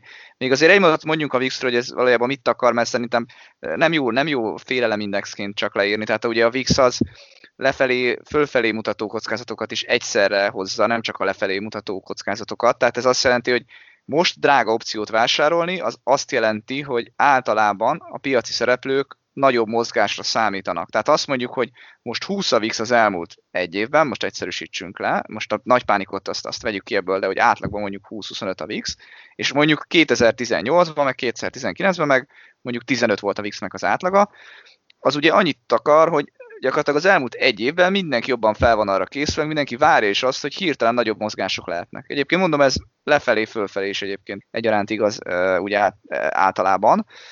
Most egyébként ugye sokkal nagyobb a kereslet a call opciókra, az azt jelenti, hogy most mindenki fölfelé várja a mozgást, ugye ezt írod le ugye a hangulatindikátorok kapcsán. De egyébként azért a kedvencem, hogy megint kihoztad azt, és akkor itt visszatérek a házi feladatodra, hm. hogy hát ha a VIX még, még 20 fölött van, de majd ha lejön 15-re, hát akkor az még további vevőket fog eredményezni az algó tradereknek a, a képében. Hát ismét találtál egy okot arra, hogy miért kell még venni. De Én olyanokat akarok Zsolt lassan tőled, ami, ami, ami esni fog. Mondtam, a GM-it megmondtam, hogy esni fog, és esett, de nem, de Balázs, ez hát fordítva hát van. már 60-on mondtad, hogy esni fog, és akkor 50 lett. De igen, de a GM túl Most könnyű. 20, nem? Nem tudom. Mindegy. is, 50. Úristen. Na mindegy. De nem ez a lényeg, hanem hogy ez fordítva van. Tehát én is várom. Én is azt mondom, hogy óriási az optimizmus, itt kell, hogy legyen valami korrekció, és amikor nem jön, pedig megvolt rá az ürügy, na akkor revidiálom a nézetemet. És akkor azt ja, mondom, bocs, hogy... az előbb, hát jó is, hogy mondod, hát egyébként meg volt korrekció. Tehát, volt hogy volt, volt korrekció. Most a NASDAQ leesett 13.500-ról 12.700-ra, az nem tudom, 6-7 százalékos esés. Értem, hogy az nem olyan óriási korrekció, mert te nem tudom, 15 százalékos korrekciót vársz, vagy nem tudom, mit vársz, de valamiféle korrekció volt. Hát a value részvényekben simán volt olyan, amelyikben volt, lát, lásd Norvég konténer, volt benne 20% esés, most azóta vissza is jött az a 20%, hát azért az esés volt. De Balázs, most akkor mire lövünk? Tehát te fundamentális befektetés, mire lősz? Mi az, amire készülsz, amikor azt mondod, hogy esés lesz? Hogy egy hétig esik 15%-ot, ezt a következő héten visszamegy 15%-ot, erre az esésre készültél, vagy valami drasztikus? Tehát érted? Tehát Zsolt, én nem készültem esésre most, hogy így nézzük, mert persze minden pillanatban készülök esésre, és így választom meg a részvényarányomat. Tehát, hogy amikor sokat megy a piac, akkor azt gondolom, hogy rosszabbak lettek általában a lehetőségek. Tehát az a részvényem, ami mondjuk ment 50%-ot, és szerencsére most ugye sok ilyen volt az elmúlt három hónapban, mert ugye előtte meg, meg le is csökkent 50%-ot, akkor azért csökkentek ezekből a részvényekből, mert azt gondolom, hogy hát valahol azért a kilátások meg a valószínűségek, várható értékekből azért, azért csökkent, hogy még egyszer 50%-ot menjen, de mivel egyébként nekem is az a rövid távú képen, meg az volt január elején is, mondjuk, hogy csak így a, mondjuk az évvégi részvényaránynak a megválasztására beszélünk, hogy ez még mehet sokat, azért nem csökkentettem nagyon nagyot, de hát ahogy a részvényeimnek nő az árfolyama, úgy azért sávosan csökkentgetek, mert ugye nem tudom megtippelni a jövőt, és azt gondolom, hogy várat, várható értékek meg megváltoznak, meg a, meg a nyereség, nyereségnek a lehetősége, hát, vagy annak a nagy nyereségnek a lehetősége, ami meg volt októberben, az most már nincs meg. Hát, tehát ez, ez, ez egy másik dolog. Úgyhogy én így nézek, és akkor azt, hogy most van-e korrekció vagy nincs, hát lehet, hogy a korrekció ad lehetőséget növelésre, mert valamelyik részvény olyan sokat esett, hogy esetleg újra, újra vonzó lett, és akkor örülök neki, mert akkor vettem, és akkor ha visszajött, akkor el tudok adni. De én nekem nincsenek ilyen várakozási, most mi a korrekció, hogy 7% vagy 20% vagy nem De tudom. Akkor Egyébként meg... azt látom, hogy ez pont az ilyen olyan magukat tapasztalatnak mondó befektetők, mint, mint te mondják, hogy láttuk, hogy így volt, meg a mintákat keresitek, hát keresd a mintákat, köztük ugye elég nagy eltérés van abban, hogy te egész nap a mintákat nézegeted a csártokban, meg, meg valahogy erre próbálod felhúzni a gondolkodásodat, én meg a vállalati profitokat, meg jelentéseket bújom, hát igen, lehet, hogy a kettőből egy kicsit más jön ki. De Balázs, most akkor beszéltél 5 percig, de az nem derült ki belőle, hogy akkor most itt esés volt, vagy nem volt esés? Hát Számom. De nem, most mit mondjak? Hát volt 8% esés a nasdaq Hát most mindenki dönt. De már elmúlt. Esés, vagy nem? Hát most elmúlt. GK változott, vagy nem változott GK? Érted? Tehát... De nem értelek, hát az esés volt. Nem tudom mi a... Nem hát tudom mi a GK, mindent hallgatók tudják. Na, szóval ennyi, ennyit akarok mondani, hogy, tehát, hogy volt esés. Valamelyikben 20% volt, valamelyikben 8. Hát nem, nem tudom, neked ez egy 0-1-es skála, vagy te hogy kell akkor nézni? Én nem, a, én a te skáládra voltam kíváncsi. Én szerintem nincs esés, mert amikor jön egy esés, akkor rögtön visszapattan. Tehát erről beszélek, hogy nincs, és akkor te föl vagy háborodva, hogy mi az, hogy azt mondom, hogy nincs esés. Hát amikor még volt esés, akkor. Am- amíg részvényedben volt 25% esés, abban se volt esés? Abban volt, és boldogan vettem bele, mert tudtam, hogy visszamegy ugyanoda. Hát, akkor, jó, hogy te ilyen okos vagy, hogy tudtad, hogy visszamegy. Hát de hát mondtam, hát itt mondtam neked. Hát tudom, hogy, hogy mondtad, hát, de hogy azt hiszed, hogy de igazából nem, nem sokat, nem sokat teketóriázol, mindenre azt mondod, hogy fel fog menni. Hát egy ideig nyilván jó neked, hogy nyersz. Jó, bitcoinban minden esni fog, kedves hallgatók. Na, tehát ilyen okok miatt mondom. Mert hogyha amikor esniük kéne, akkor se esnek. Akkor, akkor nincs mese. Föl kell, menjenek, sajnálom. Na Balázs, most most jön a legdurvább, mert hát óriási jelentési szezonban vagyunk. Balázs, tiéd a szó, és légy szíves, dicsérj meg, amiért se Benny Hilt nem hoztam föl, se a felgyorsítást nem hoztam föl, se semmit nem hoztam föl. Hát a hallgatókat azért megkért, hogy görgessenek, bár az lehet, hogy csak az előző szekcióra vonatkozott. E, igaz, nem, erre is, erre is vonatkozik. Erre is vonatkozik, hát nagyszerű. Na de egyébként ezt a frusztrációmat, amit már itt az előbb éreztettem veled és a hallgatókkal, azt szeretném folytatni. Tehát, hogy tényleg azt láttam egyébként cégen belül is, meg veled, veled kapcsolatban, hogy körülöttem mindenki ezeket a, ezekre a hangulatinindikátorokra fókuszál, és, és keresi ezeket a mintákat a nagy tapasztalat alapján. Lehet, hogy én is csatlakoznék ehhez a közösséghez, ha lenne, nem tudom, 15 éves mintám, amin ezt, ezt tudom nézegetni, meg, meg ebbe beleélném magam, hogy a hangulatindikátorokkal mi a helyzet, de én, én valahogy még hiszek abban, aztán majd meglátjuk, mi lesz 15 év múlva, hogy a profitok számítanak, hogy az, hogy mi jelentési szezon van, az egyszerűen számított. Tehát el vagyunk hűlve, hogy a NASDAQ új, újra felment, de hát egyszerűen annyira jót jelentettek, a, és ugye a NASDAQ egy nagyon koncentrált index abban a tekintetben, hogy a, a fangrészvények ugye kiteszik a, a NASDAQ-nak a felét, tehát hogyha ezek a cégek szerintem jót jelentenek, akkor jelentősen kisebb az esélye annak, hogy pont most lenne ezekbe zuhanás, sőt, ezek nagy, nagy felülteljesítést hoztak. És akkor most mondok, mondok pár adatot. A fang részvények közben mindenki, a Netflix kivételével megverte az árbevétel várakozásokat. Nem kicsit, nagyon. És ugye, mivel ezeknek a cégeknek egy jó részenek olyan a üzleti modellje, hogy nagy a fix költség, ezért ha kinyílik az olló, tehát az árbevétel növekszik x százalékkal, akkor általában a profit az nem x százalékkal növekszik ehhez hasonlóan, hanem x-szer 2 vagy x-szer 3 százalékkal, tehát magyarul jóval nagyobb profit növekedést is eredményez ez a dolog. Balázs, most, hogy mondtad ezt, hogy nem kicsit nagyon, kéne egy hangeffektus erre a fölfelé mutató, mutató új, amire neked van a avokádó gombod. Ezt csak úgy megjegyeztem, folytathatod, parancsolj. Köszönöm, köszönöm. Akkor vágjunk is bele egy-egy részvénynek a néhány mondatos értékelésébe. Itt van például legelőször az Apple, ami ugye a világnak a legértékesebb, legdrágább cége. Azzal szemben, hogy azt várták mondjuk a negyedik negyedévre, hogy 103 milliárd dollár lesz a bevétele, csinált mondjuk 111 milliárd dollár. Tehát ez, ez azért durva, mert hogy az Apple-t biztosan nagyon sokan figyelik, és nagyon sokan próbálják megtippelni, hogy mit fog csinálni, és azért ez jelentősen felül teljesített. Képzeld, az iPhone eladások 10%-kal magasabbak lettek, mint azt várták, és egyébként a profit meg majdnem 20%-kal lett így, így végül magasabb. Ne csináld, minden fölmegy? Hát minden fölmegy, egyelőre látod, tényleg neked van igazad. Akkor itt van az Amazon, a Google és a Microsoft, amiben, amik mögött van egy nagyon közös, egy, egy nagyon erős faktor, ugye ezek a cloud szolgáltatások. Tehát ahogy az internet növekszik, úgy egyre nagyobb igény mutatkozik ezeknek a, a vállalatoknak a szolgáltatásaira, és ezek ugye ez egy oligopolisztikus piac, tehát van három nagy szereplő, és ahogy nő az árbevételük, miközben egyébként nagyon sok a fix költség, úgy borzasztóan gyorsan nyílnak ki ezek a profitráták, és ezek a profitok brutális tudnak növekedni. Ugye az Amazon ugye egy nagyon jó példa arra, hogy már az Amazon ugye mindenkinek az online kereskedelmi teszébe valójában az értékének majdnem a felét, és a profitjának meg még, még nagyobb részét ebből a úgynevezett Amazon Web Services-ből nyeri ami ismét nem tudom 30%-ot nőtt tavaly árbevételben, és azt hiszem nem tudom 40%-ot meg profitban. Tehát, hogy itt tényleg, tényleg brutális számokról van szó, és ott ezek a jelentési szezonok azért nagyon erősek lettek. A leg, leginkább egyébként a Google tört ki, egy árfolyamra is csak rá kell nézni, az jól mutatja, hogy 43%-kal lett a Google profitja magasabb a vártnál Q4-ben, ami, ami azért, azért ne, nem gyenge teljesítmény. És akkor ugye Facebook, Netflix, stb. ők sem jelentettek rosszakat. Ugye a Netflixnek most már több mint 200 millió felhasználója van, 8,5 millióval nőtt a, a felhasználók száma csak a negyedik negyed évben, miközben 6 milliót vártak. Tehát most nem akarok minden ilyen adatot felsorolni, de az, az látszik, hogy ezek a Egyébként ezeket már nem is úgy kell írni, hogy fang részvények, mert az csak négyet ölelne föl, ez már a fan, tehát ebben benne van a Microsoft is, meg, meg, meg az Amazon, meg az Apple, meg mindenki. Tehát nem akarok itt felsorolni minden adatot, de ezek a cégek tényleg nagyon jót jelentettek, úgyhogy nem gondolom, hogy itt lenne most az a pont, ahol ezeknek a részvényárfolyamának össze kéne omlani. Én nekem azt tűnt föl, ugye a paper rátákat is ezekből aztán gyönyörűen ki lehet számolni, Balázs ezt is kiszámolta, és azt tűnt föl, hogy a Facebook az torony magasan a legolcsóbb ilyen cég, miközben a neve, növekedése az mit a átlag fölötti is, még ebben a klubban is. Tehát a, ugye a nagy növekedés az az, ami megalapozhat egy jóval magasabb péperet, ezt most nem magyarázzuk el, hogy miért. Mégis a Facebook a legalacsonyabb, mert ugye itt van ez a óriási szabályozói kockázat, és ezért mondom azt, hogy nyafoghattok, hogy hú, de hogy meg lesz szabályozva a Facebook. Tehát be van árazva, könyörgöm. Tehát meg kijön végre a Facebook szabályozás, meg a Facebook megadóztatás, és végre emelkedhetnek ezek a részvények, mert be van árazva igazából. Tehát azt látom, hogy a, még a Facebook péperelje 2020-as 27, 21-es 24, addig mit tudom én, az Amazon 80, meg 70, de legyen csak az Apple, az 37, 31, Microsoft 36, 32, hát könyörgöm, hát 30%-ot eshet a Facebook, mert hogy van? Nem, tehát a Facebook semmit nem eshet. Ha minden más, sajnálom, Balázs, hát ezek például a Facebooknak is. Tehát ne, nem is értem.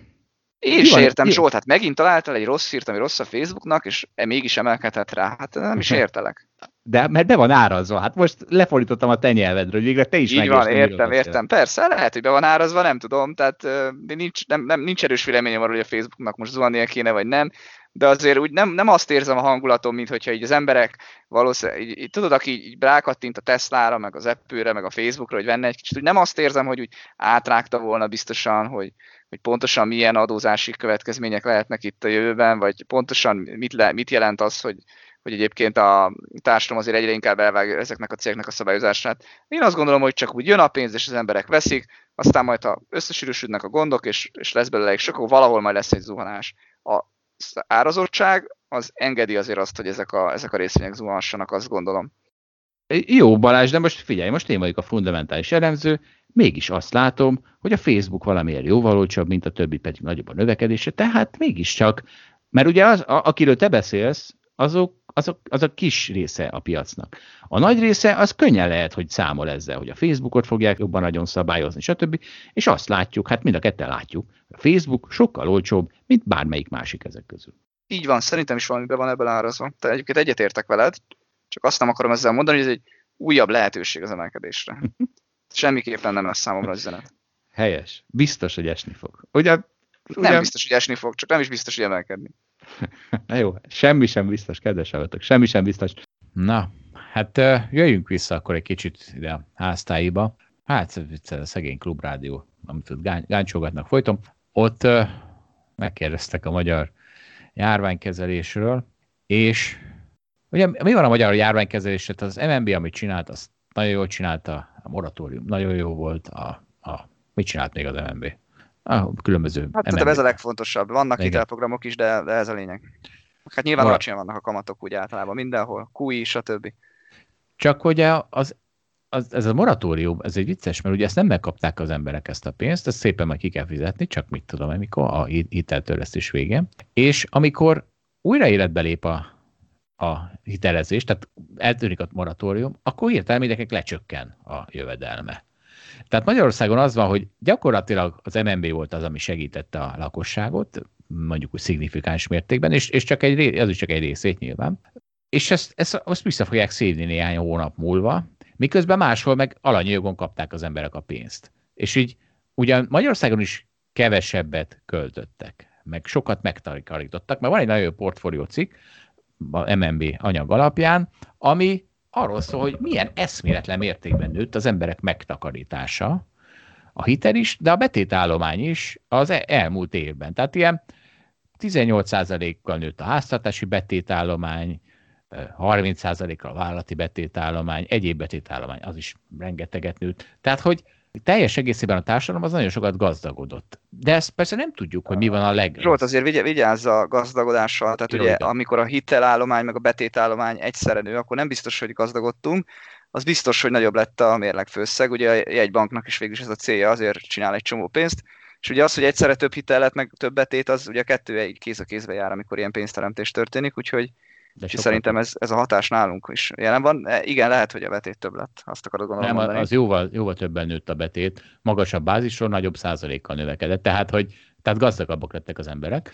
Csak ugye megint ez az lesz, hogy valószínűleg a társadalom felső, nem tudom, 20-30-50 százaléka, mert az alsóra valószínűleg ez nem igaz. Ez, ez egy érdekesség. A másik, hogy hogy ugye máshol alanyi jogon megkapták a pénzt, és ott is kevesebbet költöttek, tehát többet tudtak spórolni. Vettek Teslát belőle. De Magyarországon meg itt is sokat tudtak spórolni, meg kevesebbet költenek, de nem kapták meg ezt jogon ezt a pénzt rá. Én azt hiszem, és igazából az lesz az érdekes, hogy 2021-ben a magyar gazdaság az mennyire fog kilőni a többi gazdasághoz képest. Ebből fog kiderülni, mert ugyanis itt fog kiderülni, hogy máshol lehet, hogy sokkal jobban járt. Tehát sokkal jobban járt a lakosság, mint Magyarországon, és ezt, ezt majdnem biztosra vehetjük, de valahogy ezeken a számokon nem látszik, és ezen nagyon értetlenkedtünk itt a Hold alapkezelőben, hogy azt hiszük, hogy nagyon rossz az embereknek, de közben ezzel a számok alapján egyáltalán nem rossz az embereknek. Aj, én nem tudom, mi van itt. Te tudod, Balázs? Hát nem tudom, szerintem, tehát maradjunk először, ugye, dicsérted a jegybanki, jegybanki politikát, legalábbis ott ugye nem is volt olyan nehéz nagyjából ugyanazt kellett csinálni, mint, mint mindenhol máshol. A fiskális politikának ugyanez szerintem kevésbé sikerült, ebben igazad van, tehát engem nem az zavar, hogy alanyi jogon nem kaptak az emberek pénzt, és most nem fog emiatt kilőni a gazdaság, hanem, hanem ugye a rászorulók nem kaptak pénzt, tehát tényleg az van, hogy amikor beszélünk ugye a vendéglátósokról, akkor az... Várj, várj picit, mert, mert tehát ezt, nagyon, ezt mindig elmondjuk, ezt mindig elmondjuk. De én nem látom, hogy éjjel halnának. Tehát mi van ezekkel az emberekkel, és hát valaki Zsolt, tudja. honnan tudnád, hogy éjjel hát ez halnának, az. ha Ezt nem tudom, pont igazad van. Nem tudom. Ha valaki tudja, hogy mi van azokkal a vendéglát, nem tudom akikkel, akik, akik ki vannak szó, azt legyen írja, kedves, írja már meg nekünk, hogy mi történik, én tényleg nem tudom. És, és mindig elmondjuk, hogy nekik nagyon rossz, de valahogy nem látom, mert hát az ugye, abból nem indultunk, hogy fölérték a megtakarításokat, mert folyamatosan azt olvasom, hogy nincsenek megtakarítások. Tehát, hogy, hogy figyelj, figyelj, tehát a munkanélküliségi ráta azért az csak mond valamit. Tehát ha az megnő, akkor azért sok embernek rosszabb lett. Meg lehet mondani persze, hogy a pincérek elmentek volt futárnak, stb. Biztos, hogy ez történt valamennyit, csak nem, nem tudjuk a számokat. Tehát, hogy azt gondolom azért egy kicsit több vendéglátós van, mint amennyi volt futárra éppenséggel szükség volt. Tehát, ez, tehát én azt gondolom, hogy biztos okozott ez egy csomó baj. De mondok egy másik példát, mondjuk a moratóriumra, hogy, hogy ott ugye mi lesz, vagy, vagy hogy képzelek el valamit. Tehát mondjuk képzeljünk el egy vállalkozást, ami hoteleket, vagy buszt, vagy tehát hogy valami eszközt leasingel. Vagy, vagy lényegében vagy, vagy, vagy ugye hitelt vesz fel rá, és ugye abból csinálja mondjuk a vállalkozást. Akkor azért az ugye nem rossz, hogy mondjuk most másfél évig nem kellett visszafizetni erre ezeket a pénzeket, tehát kvázi be tudta zárni a vállalkozását, ugyan, ugye nem lett bevétele mondjuk buszosztatásból, mondjuk turisták buszosztatásából, vagy, vagy nem tudom, a hotel üzemeltetéséből, tehát ez, ez tök rossz, de másik oldalon legalább addig nem kellett fizetni hiteleket. És amikor majd hirtelen visszatérnek a turisták, akkor, akkor ugye egyébként az nem igaz, hogy azt a másfél évet ugye hirtelen majd vissza kell fizetni, mert ugye azt a másfél évet majd elcsúsztatva kell szépen visszafizetni, majd, majd Persze. jó, jó sokára messze. Tehát ugye az nem fog hirtelen nagy terhet róni rá, ezt tehát azért ez egy, ez egy jó dolog, de abban igazad van, hogy ugye hova, hova lettek azok az alkalmazottak, akik mondjuk ezekben a vállalkozásokban dolgoztak. Ugye most őket keressük, vagy őket akarjuk megérteni, hogy mekkora bajuk van. Én azt gondolom, hogy nyilván ők visszafogták a költéseiket, valószínűleg keresnek munkát, és ők, és ők a válságnak azért az áldozata. És ugye itt van a nagy különbség, hogy mondjuk Lengyelországban egy ilyen vállalkozásban könnyebben megtarthatta egy lengyel vállalkozás ezeket az alkalmazottakat, mondjuk fele béren, mert azt mondjuk kifizette az állam, hát az sokkal rosszabb, mint az egész, meg az is nagyon rossz, de több, mint a semmi. Mint ami ugye, mint ami ugye itt van, ami itt ugye ha ugye nagyon negatívan akarunk fogalmazni, akkor meg elment lélegeztetőgépekre, és meg, meg stb. Tehát olyan beruházásokra, meg hotel beruházásokra, amik most ugye a munkaerőnek, azoknak az embereknek, akik rosszul jártak, igazából ugye nem segít rövid távon semmit, vagy szinte semmit. Úgyhogy, de nem tudom, honnan látnánk Zsolt. Hát a, Honnan- azon a honnan, hogy- munkanélküliséget kell nézni, az egy fontos, az egy fontos pont. onnan látnák, hogy most a kommentelők megírják. Vagy ig- igazából nagyon szívesen beszélünk valakivel, aki erre rálát, és akkor nyugodtan írjon nekünk, mi behívjuk egy ilyen beszélgetésbe, és 10 percet beszélgetünk a témáról. Igen, de egyébként azt gondolom, hogy a mi hallgatóink úgy nagy része, hogy irodai dolgozó, és ugye általában ők szívták meg kevésbé ezt a válságot, ez szerintem azért könnyen és egyértelműen kijelenthető. Jó. És egyébként itt van ez a oszlopgrafikon, majd felrakjuk, de hát a portfólión is fönn volt, hogy hogyan változtak a különböző hitelállományok, és az látszik, hogy a személyi kölcsönt a szépen kivál, kiváltja a babaváró hitel. Tehát óriásit nőtt 2020-ban a hitelállomány is. Új háztartási hitelszerződések évente, az 2020-ban lényegesen magasabb, mint bármikor 2019 előtt. A 2009 az egy, az egy nagyobb év volt, de ahhoz képest volt visszaesés, de 2018-hoz képest ez egy óriási növekedés, mint a 20-30 százalék, vagy nem tudom mennyi. És az a babaváró hitel az, ami rettenetesen megnőtt, és ez részben kiváltja a személyi kölcsönöket is. És akkor azt szeretnék mondani, hogy ami ez nem baj, hát ez tök jó. De, de úristenek, tehát nem tudom, nehogy valaki tévét vegyen abból a hitelből, vagy bármilyen hitelből. A tévét senki ne vegyen hitelből. Inkább nézze a, a, a bár, bármi mást, olvasson. Bár az a gyanúm, hogy ugye, mint mindig, hogy ezt, a, ezt az adást ezt csupa olyan ember hallgatja, aki úgyse venne hitelből tévét, aki megvesz, az úgyse hallgatja, és akkor, és akkor persze erre jönnek a hülerik, hogy de hát azért, mert el vannak nyomva, és azért nem lesz belőlük Warren Buffettek, de hát nem, mert senki nem kényszeríti őket, hogy tartalom nélküli műsorokat hallgassanak. Mindenki vegye rá egy olyan ismerősét, aki vett már hitelből tévét, hogy minket hallgasson. Ez az üzenetem. Figyelj az én üzenetem valami más, saját bizniszünkre gondolva, ugye rengeteg a betét, a, ugye a rövid, rövid lejáratú vagy látra szóló betét. És ugye igazából az a fura, hogy nekünk szerintem azt kéne elhitetni, mi, minden érdekünk ezt kívánja, és egyébként még egyet is értek ezzel, hogy a készpénzt tartani az rossz. Ezt ki kellene mondani, és szerintem a hallgatókat is megpróbálhatnánk erről meggyőzni, hogy még durvábbat mondjak, készpénzben buborék van. Úgyhogy menekülni kellene a készpénzre, lehet, hogy a buborék csúcsán vagyunk. Most És? túlzok egy kicsit, Nem de, túlzom. ugye, de, de azért nézzük meg a tényeket. Tehát ugye tartjuk a, tartja valaki a készpénzt a bankba, tehát ke- keletkeznek megtakarításai. Mi történik ezzel a, a készpénzzel?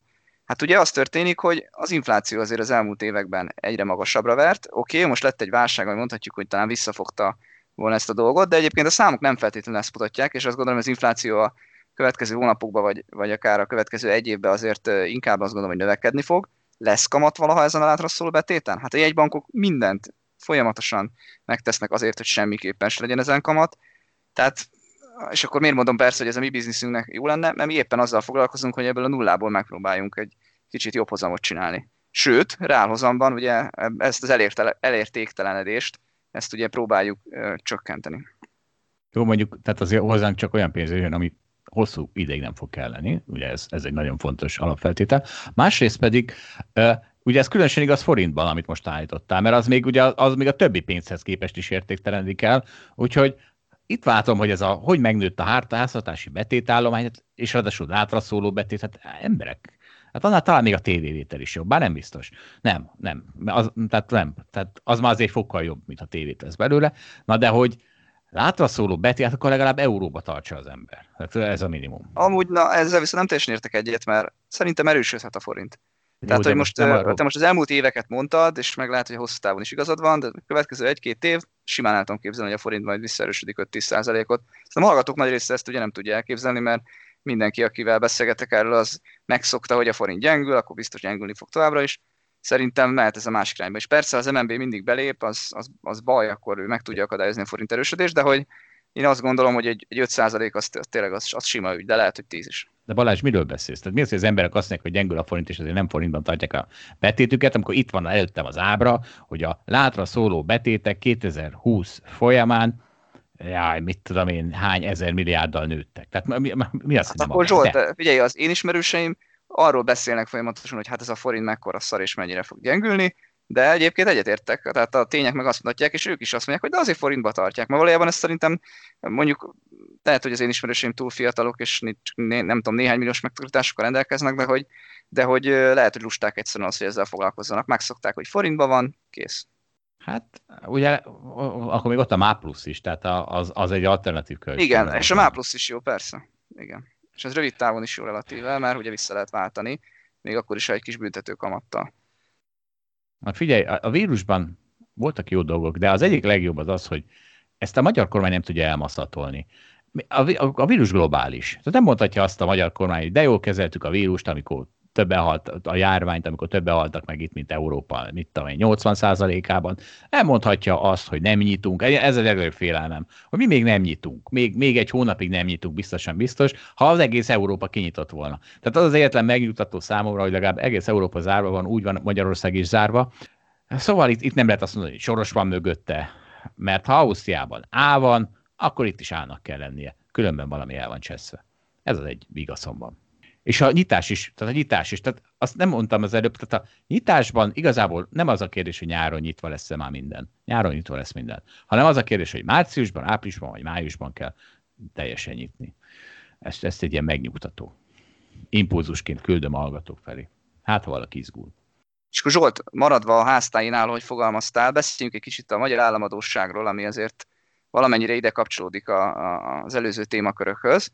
Itt Mihály Dávidnak a cikkéből fogok többet idézni, és erről a cikkről fogunk beszélgetni, aki a költségvetési szabályokról írt, és arról, hogy mi történt ezzel kapcsolatban a magyar államadósággal az elmúlt tíz évben.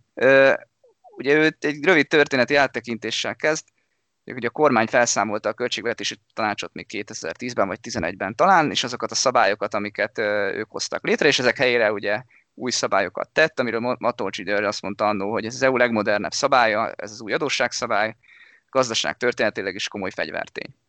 És egyrészt az alaptörvénybe bekerült, hogy a bruttó államadóságot GDP százalékban csökkennie kell évről évre, tehát ezt mint egy ilyen általános szabály elfogadták, illetve utána pedig 2015-től tervezték azt alkalmazni, hogy a elfogadott költségvetésben az adósság csak annyival növekedhet, és akkor itt azt mondták, hogy növekedhet az inflációval, de a reál növekedésnek csak a felével, ezzel gyakorlatilag az, azt üzenik, hogy minden évben a reál növekedésnek a felét azt adósságtörlesztésre kell fordítani, vagy adósságcsökkentésre kell fordítani. Hogyha belegondolunk, akkor azt, hogyha ezt a szabályt betartják, akkor az GDP nem nominálisan, hanem GDP arányosan folyamatosan csökkenéshez kell, hogy vezessen, tehát évről évre kell csökkennie az államadóságnak. Ugye ennek a kormánynak is az egyik nagy kritikája volt az előző kormány felé, szerintem egyébként teljes joggal, ugye eladósították az országot, akár csak a 2000-es évek elejére gondolunk, akár a, ugye a válság következtében ott már triviális volt, hogy el kellett adósodni az országnak, mint hogy a világ minden országa tette. Na de ugye még beindult a 2010-es évek, gazdasági fellendülés, ugye lassan és nehezen indul, de begyorsult a 2010-es évek végére. Ennek ellenére 2016-ban nem tartották be ezt a szabályt, hanem felfüggesztették. Azt mondták, hogy még nem kell ezt addig alkalmazni, ezt a szabályt, amit ők hoztak, addig egészen, ameddig nem lesz legalább 3% infláció, tehát ezt így nominálisan meghatározták, illetve 3% reálnövekedés. 3% reálnövekedés ezekben az években bőven volt, de 3% infláció nem, úgyhogy ezt nem kellett alkalmazni. Aztán eljött 2019, amikor már az infláció is kezdett 3% közelébe menni, újra módosították a szabályt, és 2019 végén bevezették, hogy évi 0,1% pontot kell csökkennie a magyar államadóságnak, egészen addig, amíg 50% alá nem megy, illetve van egy ilyen kikötés, hogy recesszió esetén ezt a, ezt a szabályt fel kell függeszteni. Na most ez a 0,1% pont azért ahhoz képest, hogy honnan indultunk, az már úgy elég kevés, ha az ember itt belegondol a realitásokba, egyébként ez még kevésbé szigorú, mint ahogy a, ezt az egyébként az uniós irányelvek előírják. De hát ugye jött a koronavírus, és ott egy egészen új világ köszöntött be, ugye azt a államadóság csökkenést, amit nagy nehezen tíz év alatt eh, ledolgozott a magyar állam, nem tudom, 65 százalékra levitték, nem tudom, 80 valány százalékról, az most egy év alatt ismét 80% felé fog ugrani. Szabályokat eddig soha nem tartottuk be, nem is alkalmaztuk, úgyhogy a cikk szerzője az azt mondja, hogy igazából ezeket lassan el kéne engedni, mert ennek semmi értelme. Na most egyébként nekem sem egyértelmű, és akkor itt most átérek arra, hogy mi az én üzenetem. Hát ugye ezeket költségvetési szabályok, ezek, ezek azért nagyon nehéz dolgok, mert egyfelől mindenki érti, hogy ugye ha, hangya módjára kell szorgalmasan gyűjtögetni, amíg jó évek vannak, hogy aztán tücsök módjára költhessünk, amikor rossz időszakok vannak. Másik oldalról egyszerűen szerintem itt egy ilyen rezsimváltás történt a, a világban. Az elmúlt öt évben szerintem az egyik legnagyobb gazdaságpolitikai kérdés, hogy saját devizában mennyire lehet eladósodni, amennyiben a jegybankok ennyire támogatók és örökre itt lent tartják kamatot. Tehát, tehát azt gondolom, hogy elképesztően megváltoztak időközben a szabályok. Ettől függetlenül nem mutat jól az a kommunikáció, ami ezzel kapcsolatban történt, és a Mihály Dávid kritikái azt gondolom, hogy jogosak. De várj Balázs, tehát az első, azt nem értem, hát, de hát folyamatosan csökkent a államadóság GDP arányosan, tehát hogy azt mondod, hogy nem tartották be a szabályt, de mégis csökkentették. Ha, ha, ha betartották volna pontosan a szabályt, akkor többel kellett volna csökkenni az államadóságnak. Aha. Tehát a cikk azt mondja, hogy 50-50 százalékra kellett volna GDP arányosan csökkennie, de így csak 65 százalékra csökkent. Jó, így már értem. Hát fia, lehet, hogy volt olyan év, amikor betartották, ezt most nem tudom pontosan mondani. A lényeg az, hogy magát a szabályt ezt egyszer sem kellett alkalmazni. Tehát hoztak maguknak egy szabályt, amit aztán végeredményben felfüggesztettek eddig folyamatosan ebben az elmúlt tíz évben. Hát figyelj, hát először is a szabályok meg az elvek azok ugye alapvetően hát hülyeségek, csak arra vagy segítsék az életünket, de amikor nem segítik, akkor, akkor hülyeségek. Az igaz, hogy csökkent eddig az államadóság, de ugye az is csak papíron, ugyanis a, ilyenkor ebből mindig ki van hagyva a magányugdíjpénztár, ami egy ilyen, egy ilyen implicit adósságot generált. Tehát az a 10% pont, ami egyszeri tétel volt, és aztán az évi másfél százalék nagyjából GDP arányosan, ami minden évben segítette a mostani költségvetési hiányokat, az bizony nincs ebbe benne. Tehát, hogyha visszaraknád csak azt a 10% pontos stokkot, amit elvettek, és ami majd jelentkezni fog, amikor a hiánya nem most jelentkezik, hanem amikor ezeket a nyugdíjakat majd törlesz, ki kell fizetni, tehát itt ami 20-30-40 év, 20-30 év múlva.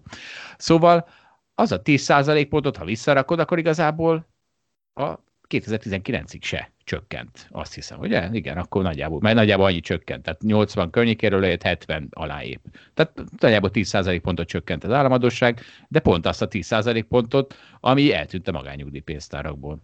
Igen, ennek ugye az egyik legfontosabb ok, hogy amikor nagy évek voltak, ahogy mondtam, tehát ez főleg 2015 és 2019 között, akkor azért nem takarítottuk meg sokat, tehát akkor is viszonylag magas fiskális stimulus mellett működött a, a magyar állam. Ugye, amit azért hozzá kell tenni, hogy van egy nagy különbség a 2000-es meg a 2010-es évek között. Az egyik az, hogy a 2000-es években a makro egyensúlytalanságainak a nagy részét az okozta, hogy devizában voltunk eladósodva, és ebben a magyar államtól kezdve a magyar háztartások is benne voltak. Most, most azért ez nagyon durván megváltozott, tehát ugye itt, ahogy mondtam, a nagy kérdés az, hogy forintban mennyire szabad eladósodni, és hát nyilván az a válasz, hogy sokkal jobban, mint devizában, Majd az új kérdés a világban az lesz, bár ezt mindig lehúrogott, hogy lesz-e infláció, mert ha lesz, akkor az egész történet fel fog borulni. De hát amíg nincs infláció, és amíg alacsonyak kamatok, addig végül is bármely adósságot fel lehet venni. Hát kamatokat úgyse kell ráfizetni, mindig meg kell újítani hiteleket, és élünk vígan, ameddig ezt lehet csinálni. De ez se igaz, Balázs. Ugye az infláció az pont az adósok mencsvára. Az infláció az, ami eltünteti az adósságodat. Tehát az ilyen fix kamatozású adósságodat. Tehát még ez igaz, mert ha jön az infláció, akkor ez csak igazán kánál, mert akkor hirtelen az a, az a stok államadóság, ami nem tudom mennyi, 70 százaléka, a, a mit tudom én, a 10 ezer milliárdos GDP-nek, akkor mondjuk legyen 7 ezer milliárd euró, persze ez euróban kell inflációnak lenni, akkor az ugye egyre kevesebbet ér, hogyha nagy infláció van. Mert az marad 7000 milliárd euró, de a 7000 milliárd euró egyre kevesebbet ér. Hát figyelj, részben van csak igazad, vagy csak középtávon. Tehát ugye, hogyha tényleg nagyobb infláció lesz, és most nem arról beszélünk, hogy 3-ról felmegy 3,6-ra, hanem mondjuk lenne egy jó 7-8 százalékos infláció, akkor jegyban kénytelen lesz kamatot emelni, és akkor igazad van, hogy a messzi tőkelejáratok azok majd, vagy azok a, azok a tőketörlesztéseknek ugye jelenértékük csökken, de másik oldalról azért az egy probléma lesz, hogy felmennek a változó kamatok, és az egy csomó embernek nagyon nagy terhet fog jelenteni. És ezt nem lehet azt mondani, hogy tehát ugye, ha megnézed, igen, aki 20 évre vett föl mondjuk a házára a fix kamatozású hitelt, az, az jól fog járni infláció esetén, ezzel teljesen egyetértek, de aki meg nem így csinálta, mert csak három évre fixálta be, vagy ötre, vagy hétre, vagy nem tudom, és egy csomó meg egyáltalán nem fixálták be, mert ugye a változó sokkal alacsonyabb, akkor azoknak azért, azért lesz bajuk. Úgyhogy, úgyhogy szerintem nem ilyen egyszerű ez a kérdés. Végeredményben én azt gondolom, hogy az infláció az, az hosszú távon ezt az egész rendszert ben akár egy ilyen pánikszerű jelenséget is okozhat majd, mert felborulnak azok a szabályok, ahogyan eddig ezekről gondolkodhatunk, hogy nem, tehát Zsolt nem értek egyet, hogy az infláció De nem a kánánt fogja elhozni, hanem ennek a történetnek a végét. Most nyilván itt fontos, nagyon fontos, hogy milyen mértékről beszélünk. De én ennél sokkal nagyobb ívben gondolkoztam, én az államadosságról beszéltem. Igen, nem bontottam arra is, igaz, arra is igazak lehetnek a, a példáim. Most attól függ, melyik államnál. Hogy most nem tudom pontosan, hogy a magyar államnak mekkora milyen arányban meg lehetne nézni, ugye, hogy milyen arányban fix meg változókamatozású hitelei vannak, illetve ugye milyen hosszúak a, a lejáratok. Na figyelj, volt még egy nagyon jó ilyen komment, ami megint elővette egy olyan témát, amit most így közgazdasági szempontból megközelíthetünk. Jó hallgatni titeket, köszönjük szépen. Zsoltnak üzenem, hogy a lottó egy olyan adó, amit a valószínűség számításból gyengékre vet ki az állam. Ugye ezt azért mondtam, mert én mondtam, hogy a lottó is egy piramisjáték.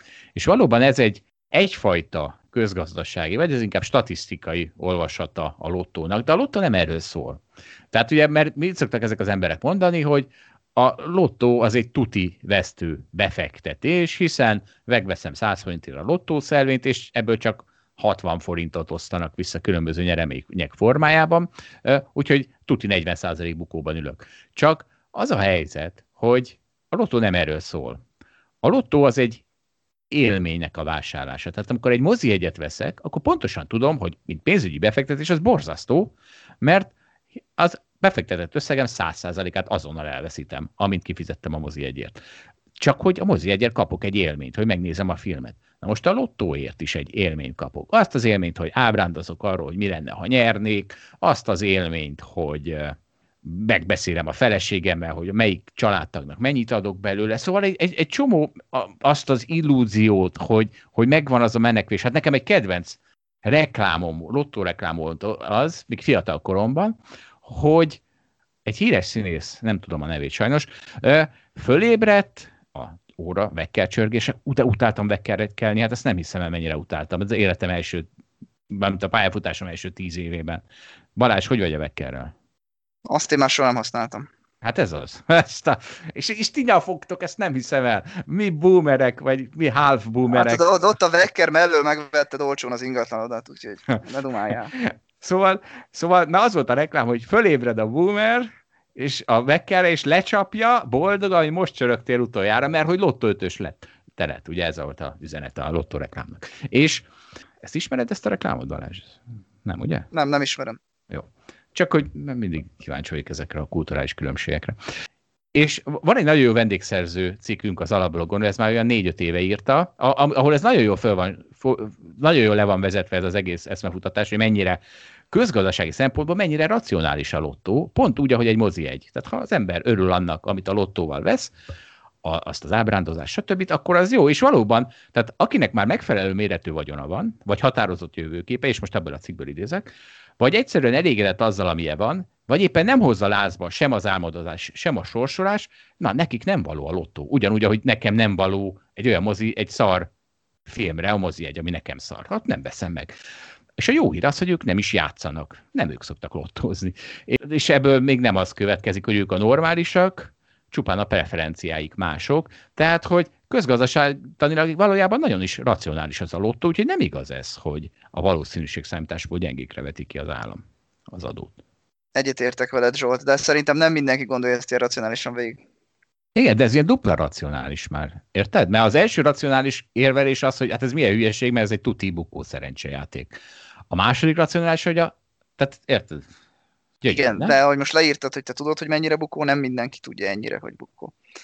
Azt meg nem, már nem hiszem el. Mondjuk én nagyon gyakran nem hiszem el, hogy a társadalom 89% Á, újabb ellenmondás, igen, hogy mindenkit hülyézel, aztán meg túl sokat feltételezel az ember.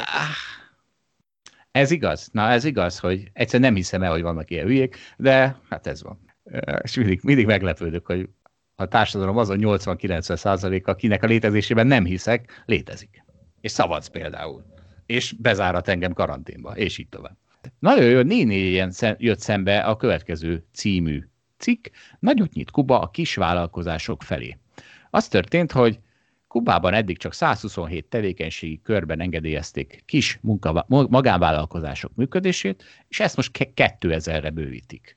Azért ütötte meg a szememet ez a hír, mert írtam egy cikket, nem tudom, talán két éve, ami nem csak remek cikk, de tele van gyönyörű képekkel. Direkt olyan cikket csináltam, hogy na majd akkor mi majd National Geographic is leszünk, úgyhogy érdemes megnézni, linkeljük majd a, a alablogom. Szóval írtam ezt a cikket, én felolvasom az első bekezdését.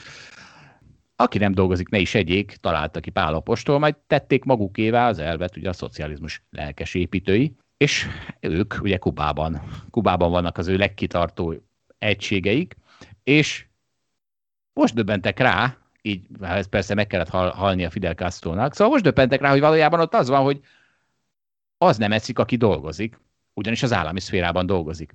Úgyhogy 8 éve, tehát most már akkor 10 éve, az állam szélnek eresztette az ország munkaerőpiacának mint egy tizedét, félmillió embert, és azt mondták, csináljatok valami hasznosat, menjetek maszekolni. Tehát ugye azt történt, hogy kirúgták az állami alkalmazottak borzasztó nagy, a nagy arányát, mert rájöttek, hogy az állami vállalatokban az állami alkalmazottak, akik semmit nem csinálnak, az nem viszik előre a gazdaságot. Hogy menjetek maszekolni. És lett félmillió. Suenta Propistas, hát nem, biztos, hogy nem így ejtik. Se Kubában, se Spanyolországban, de még csak Budapesten se. Má, má, senki más nem ezt ejti így. És ettől egy óriási lökést kapott a kubai gazdaság. Most Cuenta már a... egyébként, szerintem. Cuenta Propistas. Jó, köszönöm szépen. Szóval ma már az ország munkára a harmada dolgozik a magángazdaságban, és nagyon sajátságos restrikciókkal, ugyanis a kubai politika egyik legnagyobb félelme. Valakinek látványosan jobban megy, mint a többieknek, hát az feszíti szét a rendszert. Egyenlőtlenség lesz, ugye? Hát a Hillary azért elégedetten dörgölhetik a keny- kenyerüket, mert a Kubában ott az, ott, ott az egyenlőtlenség ellen küzdenek fenemód, és ilyen, ilyen módokon, hogy például Hát ugye most mi történik? Az történik, akik elmennek a magánszférába dolgozni, azok simán megkeresik az állami alkalmazottak 10-20-szorosát, és de úgy vannak ezek az a, a, a, a egyéni vállalkozó engedélyek megcsinálva, hogy ne lehessen például összevonni tevékenységeket. Ne lehessen, nem lehet egyszerre könyvet árulni és kávét főzni, hiszen az már olyan, olyan profitforrás, hogy esetleg meggazdagodik az ember. Hát ki, ki akarja ezt? Ki akar kasztrendszert Kubában? Mindenki legyen egyenlően szegény. Hát ez a megoldás. És például egy vendéglőben egyszerre 50 vendégnél több nem lehet, és 20 alkalmazottnál sem lehet többje egy ilyen egyéni vállalkozónak, ami persze nyilván lefolytja a gazdaságot, tehát teljes mértékben, és annak ellenére, hogy mindenki érzi, hogy itt, és mindenki föl van háborodva a túlzott szigorítás ellen, és mint látjuk, ugye most történt ez a 444 cikk, hogy ez most így két évvel az én cikkem után, az akkor még, mit tudom, 124 engedélyezett tevékenység, az most már hirtelen mennyire, mit mondtam, 7000 vagy mennyi? nem 2000. Szóval Kubában is jönnek rá, kedves hallgatók, hogy a szocializmus szívás, meg hogy az egyenlősdi az szívás. mert ez azt jelenti, hogy mindenki szegény, nem azt jelenti, hogy mindenki gazdag. Igaz, hogy ugye mindenki szegény és boldog. Ugye pont ez a bajom ezzel az egyenlőtlen propagandával, hogy igazából ez az irítséget propagálja, és látod, Kubában megvalósították. Ott nem lesz irítség, mert senki nem lesz gazdag. Nincs kire irigynek lenni. Zsolt, nem sokat tudok a kubai rendszerről, de azért ez tényleg durva, amit leírsz, meg ott azt gondolom azért elég nagy káosz van. Jó, örülök, hogy nem, egy pillanatig nem tudtam, Nárogi Balázs, hogy velem fogsz egyetérteni, hogy Kubában milyen őrület van, vagy a kubaiakkal értesz egyet, hogy az egyenlőtlenséget minden áron írtani kell. Na jó. Ekkorárat nem szeretnék fizetni érte. jó, jó helyre estél a vitában, gratulálok. Szerintem ez már a podcast hatása. Kirángatlak onnan a Hilarik közül. Jó, azért Kubával nem volt nehéz érvelni. Legközelebb remélem, hogy észak hozod, és akkor abból is rájössz, hogy mennyire jó a kapitalizmus meg a piac.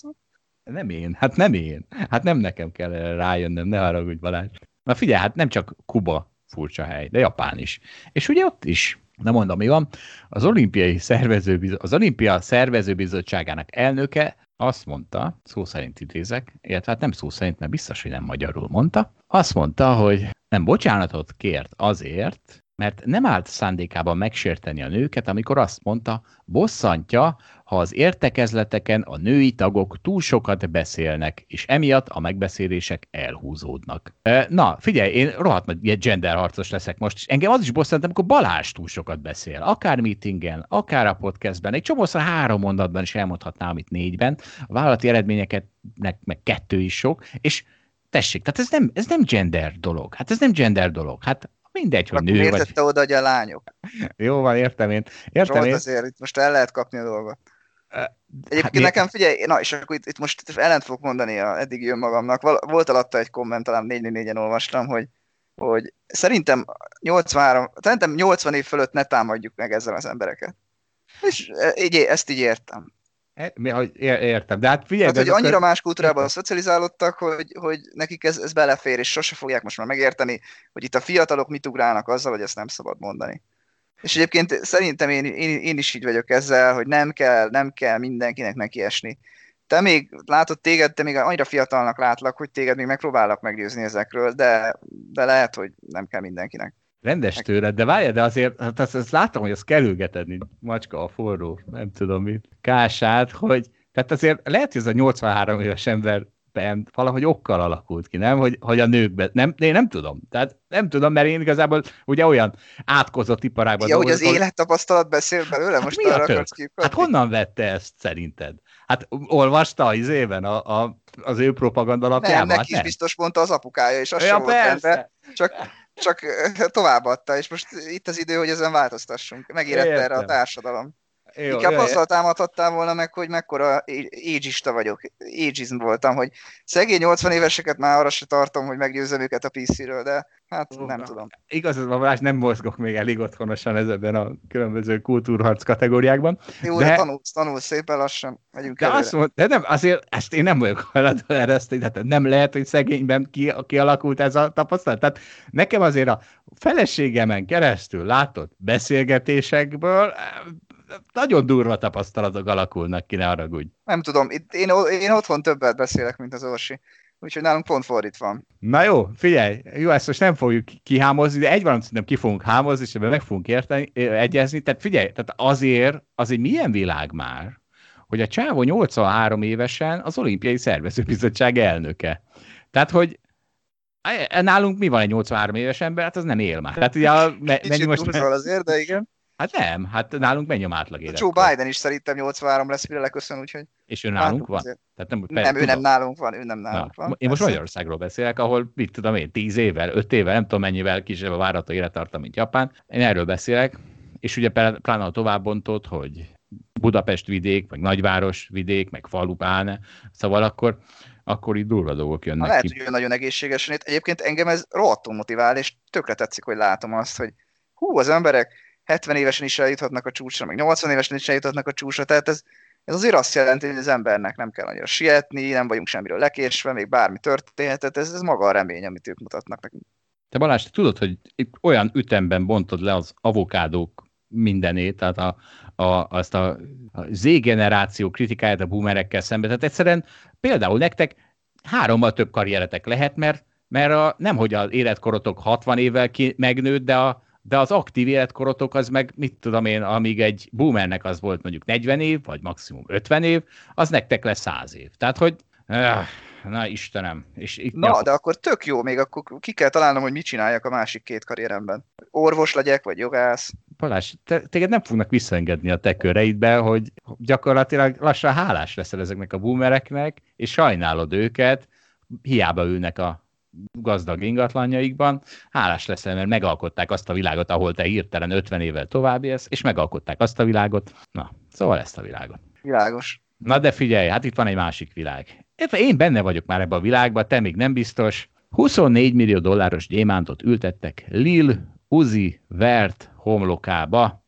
Lil Uzi Vert az egy amerikai rapper, és itt van a kép is róla, és hát figyelj Balázs. Jól néz ki, csinos, tetszik neked? Ezt hosszabban fogom kifejteni, ne haragudj. Én is vettem egy pengés porotvát, tök fölöslegesen. Úgyhogy mint egyik konzumidióta üzenem a másiknak, hogy kedves rapper úr, így szólítják Balázs? Ezzel a retro megszólítással lassan újra menő vagy. Köszönöm. Szóval, kedves rapper úr, szerintem elég bénácska ez a gyémánt ott a homlokon. Nem csoda, hogy szar ez a beültetés, hiszen a homlok az csak csont és bőr. Oda egyféleképpen lehetett volna jól beilleszteni, ha a csontba ágyazzák. Persze erre az orvosok a töketlen hipokráteszi esküjük miatt képtelenek, de nekünk, konzumidiótáknak is tanulnunk kell a hibáinkból. Kedves rapper úr, ha rendelünk egy egypengés borotvát az értékének a tízszeresén, akkor belátjuk tévedésünket, felrakjuk a vaterára, hogy ne foglalja a helyet, és ne emlékeztessen folyamatosan a saját ostobaságunkra. Úgy is mondhatnám, stoplosszoljuk a dolgot. Kedves rapper úr, sok sikert hozzá! És viszont figyelj, a másik tanulság, amit ebből a cikkből levontam, az a következő, ugyanis a következő mondat van még a cikkben, az amerikai rapper már három éve törlesztette a drágakövet, most jött el a pillanat, hogy a fejére kerüljön. És a számomra egyértelmű üzenet, persze lehet, hogy nem az, de az egy üzenet számomra akkor is egyértelmű, hogy ez banki kockázatkezelésből jeles. Ugyanis tanultak az jelzálog hitelekből. Ugye, mert az emberek akkor is fel vannak háborodva, ha a bank a bank ingatlanjából kiköltözteti azokat, akik nem törlesztik a jelzálogot. Ugye ez egy ilyen társadalmi jelenség. Na de akkor, hogy föl lennének háborodva ezek az emberek, ha pacsírta hangú repperek fejét tépné le a bank, mert benne van a bank gyémátja, amiért nem fizeti a törlesztőt, és azért gondolom azt csinálta a bank, hogy megvárjuk, amíg egy drasztikus részét visszatörleszti a rapper úr, és aztán amikor már a maradék kért, már az ingatlanjai is elég fedezett, akkor beültetheti a fejébe. Valahogy ezt látom így a szemeim előtt, gratulálunk a banknak. Zsolt, ez végeredményben egy jó holdalapkezelős reklám. Te sokkal kevésbé tűnsz bolondnak azzal, hogy csak egy egypengéjű borotvát vásároltál tízszeres áron, mint ahhoz képest, mint hogyha egy gyémántot ültettél volna a homokodba. Hát akkor egy ilyen holdalapkezelő reklámmal búcsúzunk, kedves hallgatók, a viszonthallásra. A viszonthallásra, sziasztok!